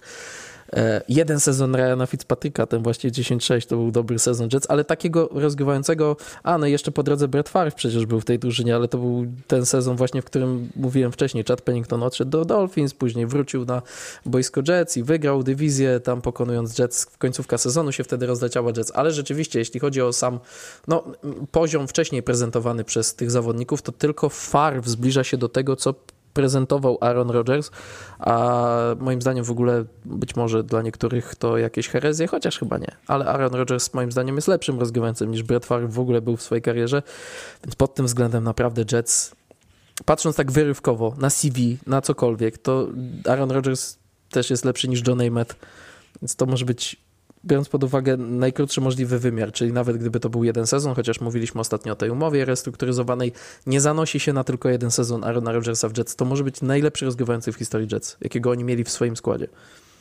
Tak, tak i oczywiście wszystko zależy od tego, jak, e, jak zagra ten Aaron Rodgers e, w tym off-seasonie, więc w tym sezonie, ale no, mhm. no pod względem jakości CV jak najbardziej. Tak. Yy dwa razy Chad Pennington był comeback player w 2006 i 2008, więc niesamowite. Wygrywasz, od, wypadasz, wracasz i znowu wygrywasz. No to jest y, po prostu jakieś fatum. E, ale tyle o historii. Aaron Rodgers to najważniejszy nabytek Jets. Nie ma w zasadzie innej możliwości. Najlepsza formacja w zespole New York Jets. No i, mi się, i znowu to sekundary mi się tu pokazuje, bo... A mi znowu linia defensywna. Bo no, Sos Gardner, DJ Reed to jest być jeden z być może najlepszych, jeśli nie najlepszy duet cornerów w lidze w tej chwili. Dodatkowo Adrian mhm. Amos jest po słabszym sezonie, ale Jordan Whitehead ogólnie może trochę głębi brakuje w tym sekundary, w razie coś by się wydarzyło. Natomiast jeśli chodzi o ten star power, to chyba zdecydowanie najlepiej to wygląda w twoim przypadku. Jeśli mówimy o linii, to oczywiście Keenan Williams nam się tutaj pokazuje w pierwszej kolejności, ale mi jednak brakuje trochę boków tej linii, żeby, żeby, spo, żeby spojrzeć tak. na to korzystniej. Tak, no ale widać inspirację 49ers, tak bym to określił, bo taka pierwsza linia wyjściowa, czteroosobowa, to jest Carlson, Quinn Williams, Al Woods i John Franklin Myers, ale rezerwowa to jest Jermaine Johnson, Will McDonald, Solomon Thomas i Quinton Jefferson nie jest źle, naprawdę nie jest źle. Jeszcze masz zawodników takich jak Jermaine Johnson i Will McDonald, którzy powinni się rozwijać, więc te boki wtedy będą moim zdaniem lepsze. No i Carl Lawson po kontuzji, duże były względem niego oczekiwania, taki fajny, e, troszeczkę... Mm, kieszonkowy to złe słowo na jakiegokolwiek liniowego w NFL, ale taki mniejszy niż prototyp liniowego skrajnego Carl Lawson. Moim zdaniem z tego można wyrzeźbić dwie solidne czwórki, a nawet lepsze niż solidne, więc ta linia defensywna znowu poszedłem trochę za głębią, znowu patrząc na jakieś takie warunki meczowe, możliwości dobierania personelu i rotacji tym personelem sprawiają, że ja poszedłem w, stronie, w stronę linii defensywnej. No tak, no i wydaje się w ogóle to mały spoiler do tego, co zaraz, no ale ja przy każdej drużynie mam dokładnie to samo, czyli najlepsze, najlepsze, najlepsze sekundary, najgorsza linia ofensywna. No I właśnie, to przejdźmy do tego kolei, płynnym krokiem. I z kolei w każdej tej drużynie też mówiliśmy, że mogliśmy się zastanawiać nad linią defensywną, albo ją wybrałeś, albo mówiliśmy o tym, że mogliśmy się zastanawiać, więc generalnie tak. ta dywizja nam się, nam się zapowiada ciekawie pod względem yy, tych słabych linii ofensywnych walczących z tymi mocnymi pastraszami i to będzie no, no, ciekawe, przynajmniej w tych bezpośrednich pojedynkach. Tak, pięta Achillesowa to linia ofensywna. Tutaj mamy, mm, mamy to po prostu znowu ujęte tak samo, ale ciężko było chyba inaczej. Tak, tak. E, no, trudno jest. Y, mówiliśmy w przypadku w przypadku Bills, że wszyscy są tacy solidno przeciętni, w przypadku Dolphins, że jed, wyróżnia się Teron Armstead, ale z kolei najgorsi są troszkę gorsi. Tu z kolei wyróżnia nam się Elijah Vera Tucker, e, który jednak też ma trochę miał problemów ze zdrowiem, no ale poza tym no duet duet e, Takli, Billy Turner, Max Mitchell, ewentualnie Dwayne Brown, Max Mitchell 75-letni Dwayne Brown, bo już tyle lat gra tak. widzę, że... Tak, znaczy e... tak, tak, tak dosłownie 39-letni, ale sobie to wypisałem. 39-letni Dwayne Brown, Billy Turner po nieudanym sezonie w Broncos, ale grał z Aaronem Rodgersem w Packers przez trzy sezony.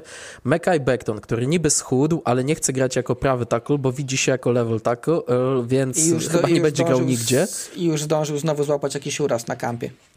dlatego chyba nie będzie grał nigdzie, e, więc być może jeżeli Billy Turner też nie widzi się po prawej stronie, to po prawej stronie będzie grał wybrany w czwartej rundzie zeszłorocznego draftu Max Mitchell. Na środku jest świetny Elijah Vera ale on wraca po kontuzji. Rzekomo trudny okres przygotowawczy przeżywa Joe Tipman, wybrany w drugiej rundzie draftu, więc raczej centrem będzie dalej Conor McGovern. I jest jeszcze Laken Tomlinson, który jest totalnie przeciętny, a ma najwyższą umowę z całej tej ekipy. Tak, bo Laken Tomlinson to jest ostatni z tego swego czasu zaciągu e, Jets do linii ofensywnej, gdzie oni podpisali bodajże trzech czy czterech zawodników na kontrakty około 10 milionów za sezon, niektóry wyżej, a żaden z nich nie był nawet dobry. Więc e, tak. Tomlinson jest ostatnim z tego grona, więc e, jedynym, który jakkolwiek był w stanie pozostać w tej drużynie mimo tego kontraktu. No tak, natomiast średnio to mocno wygląda i dokładając do tego wiek Arona Rodgersa, to jest to miejsce, w którym może się rozpocząć pożar sezonu Jets. Jeżeli zakładamy czarny scenariusz, to moim zdaniem pierwsza scena tak. tego filmu, pierwsza scena tego filmu jest o tym, że są beznadziejni liniowi. Że Aaron Rodgers leży na ziemi. Tak, a ten zestaw zawodników podpisanych wtedy to był Laken Tomlinson, właśnie Mike McGovern przyszedł, Conor McGovern na trzyletnim kontrakcie i Noah Fant. Yy, nie, George Fant, przepraszam, Noah Fant George Fant, George Fant, którego już nie ma. chyba ktoś tam był, Greg Van Roten chyba jeszcze tam wtedy był. Właśnie, tak, to było, to było naprawdę grube wejście w totalnych przeciętniaków, ale ta linia dużo jest tak zwanych warunków jeżeli, tak to nazwijmy. Jeżeli Vera Tucker będzie zdrowy, jeżeli e, Tipman wywalczy miejsce na środku linii i będzie spełniał oczekiwania jako debiutant, jeżeli po Dwayne Brownie nie będzie widać, że zbliża się do 40, to może być ok. Tak, jeżeli wszyscy będą zdrowi, to może być ok. Jeżeli Mekay Beckton faktycznie zrobi krok do przodu, to też będzie ok, ale to wszystko jest tak jak mówisz, to są same znaki zapytania w tej linii prawie, że na każdej pozycji. Tak, no i ta obawa jest w moim przypadku właśnie tym większa, że jednak Aaron Rodgers ma 40 lat, to już nie jest ten biegający, uciekający, zdobywający ce- dodatkowe sekundy latach, Rodgers. I w ostatnich latach miał raczej dobrą, jeśli nie świetną linię ofensywną w Packers, więc nie jest do końca do tego przyzwyczajony, że, że ma presję z każdej strony. Kto do fantazy z New York Jets? Ja dałem dość prostą opcję Greta Wilsona, bo moim zdaniem on przy Aaronie Rodgersie wystrzeli na poziom może nawet jednego z najlepszych skrzydłowych e, tej ligi, więc mhm. E, to automatycznie powinno przełożyć się na fantazję. Garrett Wilson idzie nawet w drugich rundach w tym sezonie fantazy. Oczekiwania są wobec niego bardzo duże, ale trudno mieć inne, jeżeli byłeś ofensywnym debiutantem roku, bardzo dobre wejście do ligi zaliczył Garrett Wilson, ale ja sięgnąłem po e, kogoś, kogo może nie każdy wam poleci. Allen Lazard. Bardzo dobry znajomy Arona Rodgersa, który według Fantasy Pros znowu w rankingach PPR jest skrzydłowym 52 co mnie mocno zszokowało, to są okolice końcówki rundy 9 i początku 10.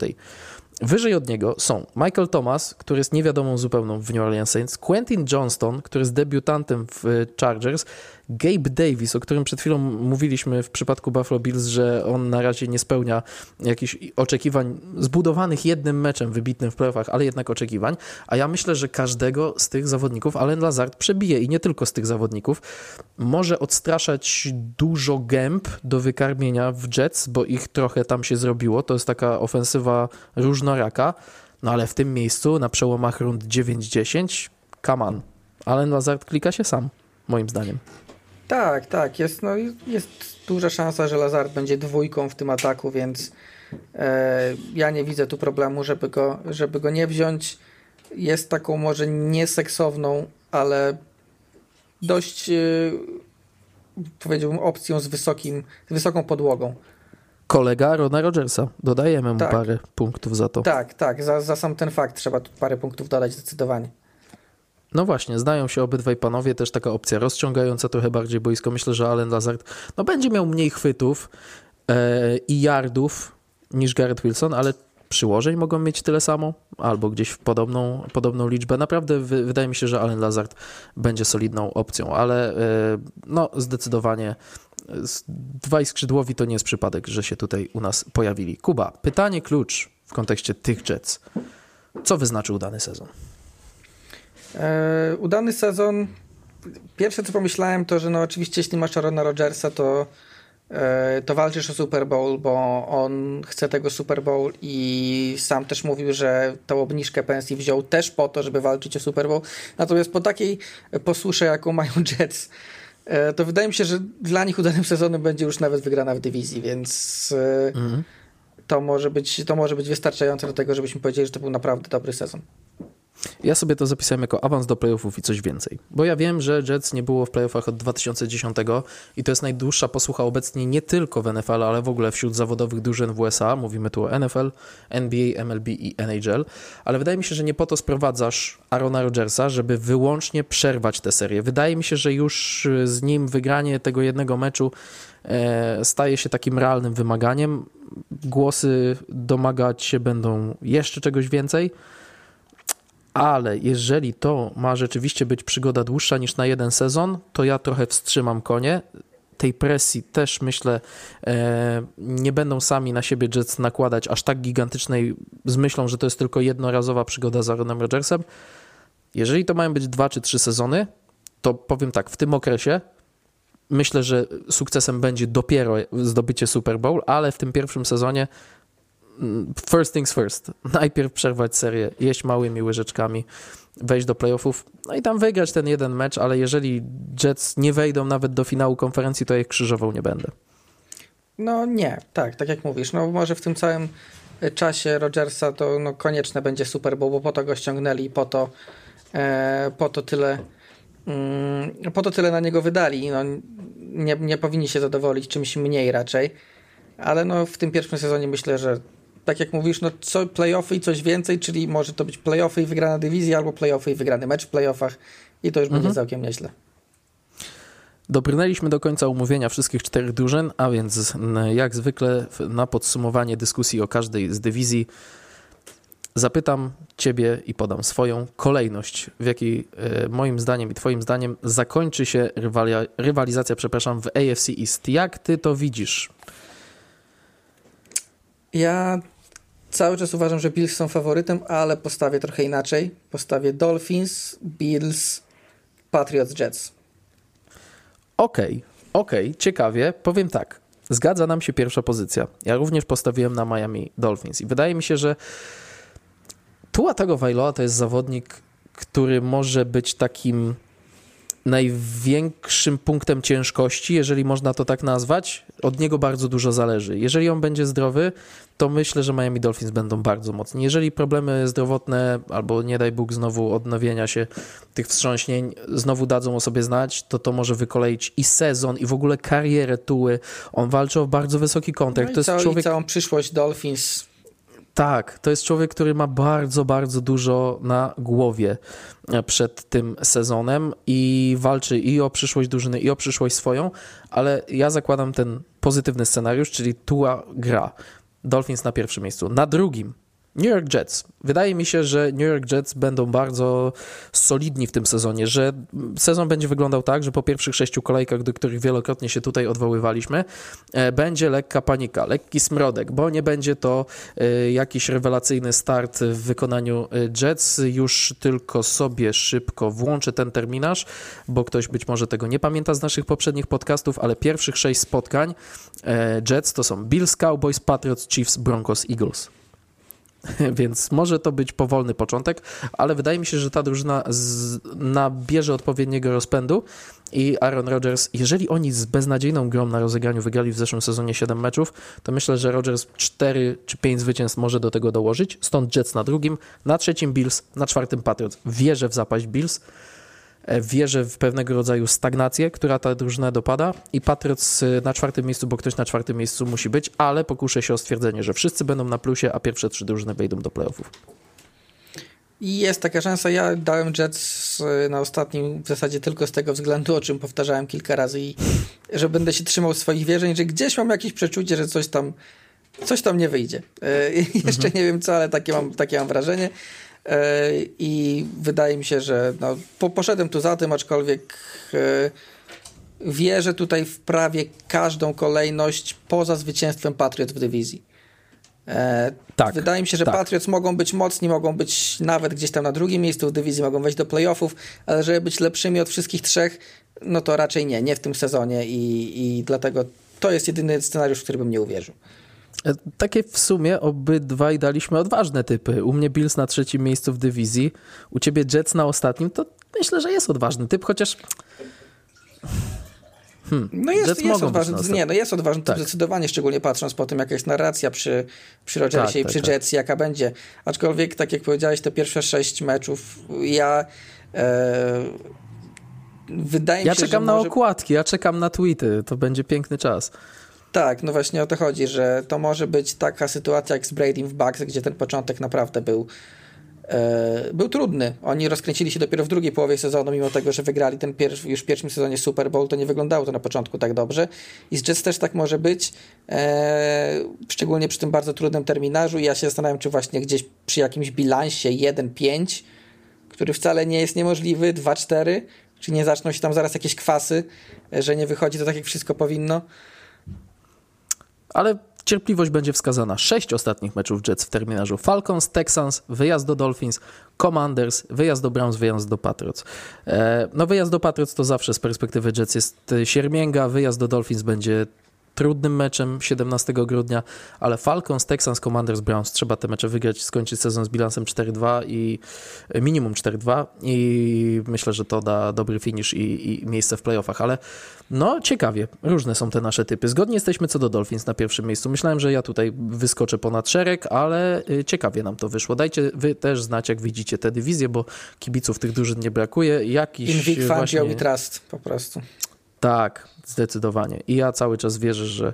Czy też trochę jest może w tym chcieństwa. Oczywiście nie jestem fanem Miami Dolphins pod żadnym pozorem, ale. Yy trochę mnie męczy to takie ciągłe, jakby, jakby to była wina Tuły, że on doznawał tych wstrząsień mózgu. Mam wrażenie, że robi się taka e, wokół niego narracja. Chłopie, zdrowia i pokaż wszystkim, że jesteś e, zawodnikiem, którego umieściliśmy w ogóle na dziesiątym miejscu naszego rankingu rozgrywających. I tak kończąc naszą dyskusję, chyba Kuba, muszę ci powiedzieć, że im dłużej myślę od czasu tego odcinka, tym bardziej żałuję, że na dziesiątym miejscu nie dałem Kerka Kazinsa, bo to był chyba moment, Jedyny moment, że mogłem w którym to... mogłeś to zrobić. Tak, tak, mogłem i chyba nawet musiałem, bo biorąc pod uwagę to, że Tua może być w tej dziesiątce, to ja się chyba osobiście w tym przypadku pospieszyłem. Co nie zmienia mojej wiary i takiego życzliwego podejścia do Tuły i naprawdę życzę mu dużo, dużo powodzenia. Tyle, jeśli chodzi o AFC East. W następnym odcinku NFC East, gdzie też jest masa kibiców, a potem zostanie już tylko AFC West oraz NFC West i do końca sierpnia zamkniemy cykl zapowiadający sezon, a potem zostanie tydzień do startu rozgrywek. W ogóle spojrzałem sobie w swój rozkład jazdy, jak to się pięknie składa. Pierwszy weekend z NFL jest w trakcie reprezentacyjnej przerwy w piłce. Nie będę pracował w ten weekend, będę mógł oglądać w jeden, do jeden z nielicznych, jeden, jeden z nielicznych chyba fanów piłki, którego, który się cieszy, że reprezentacje grają akurat. Trochę w sensie tak, pod tym względem, to... że nie będzie ich oglądał, bo będzie oglądał NFL.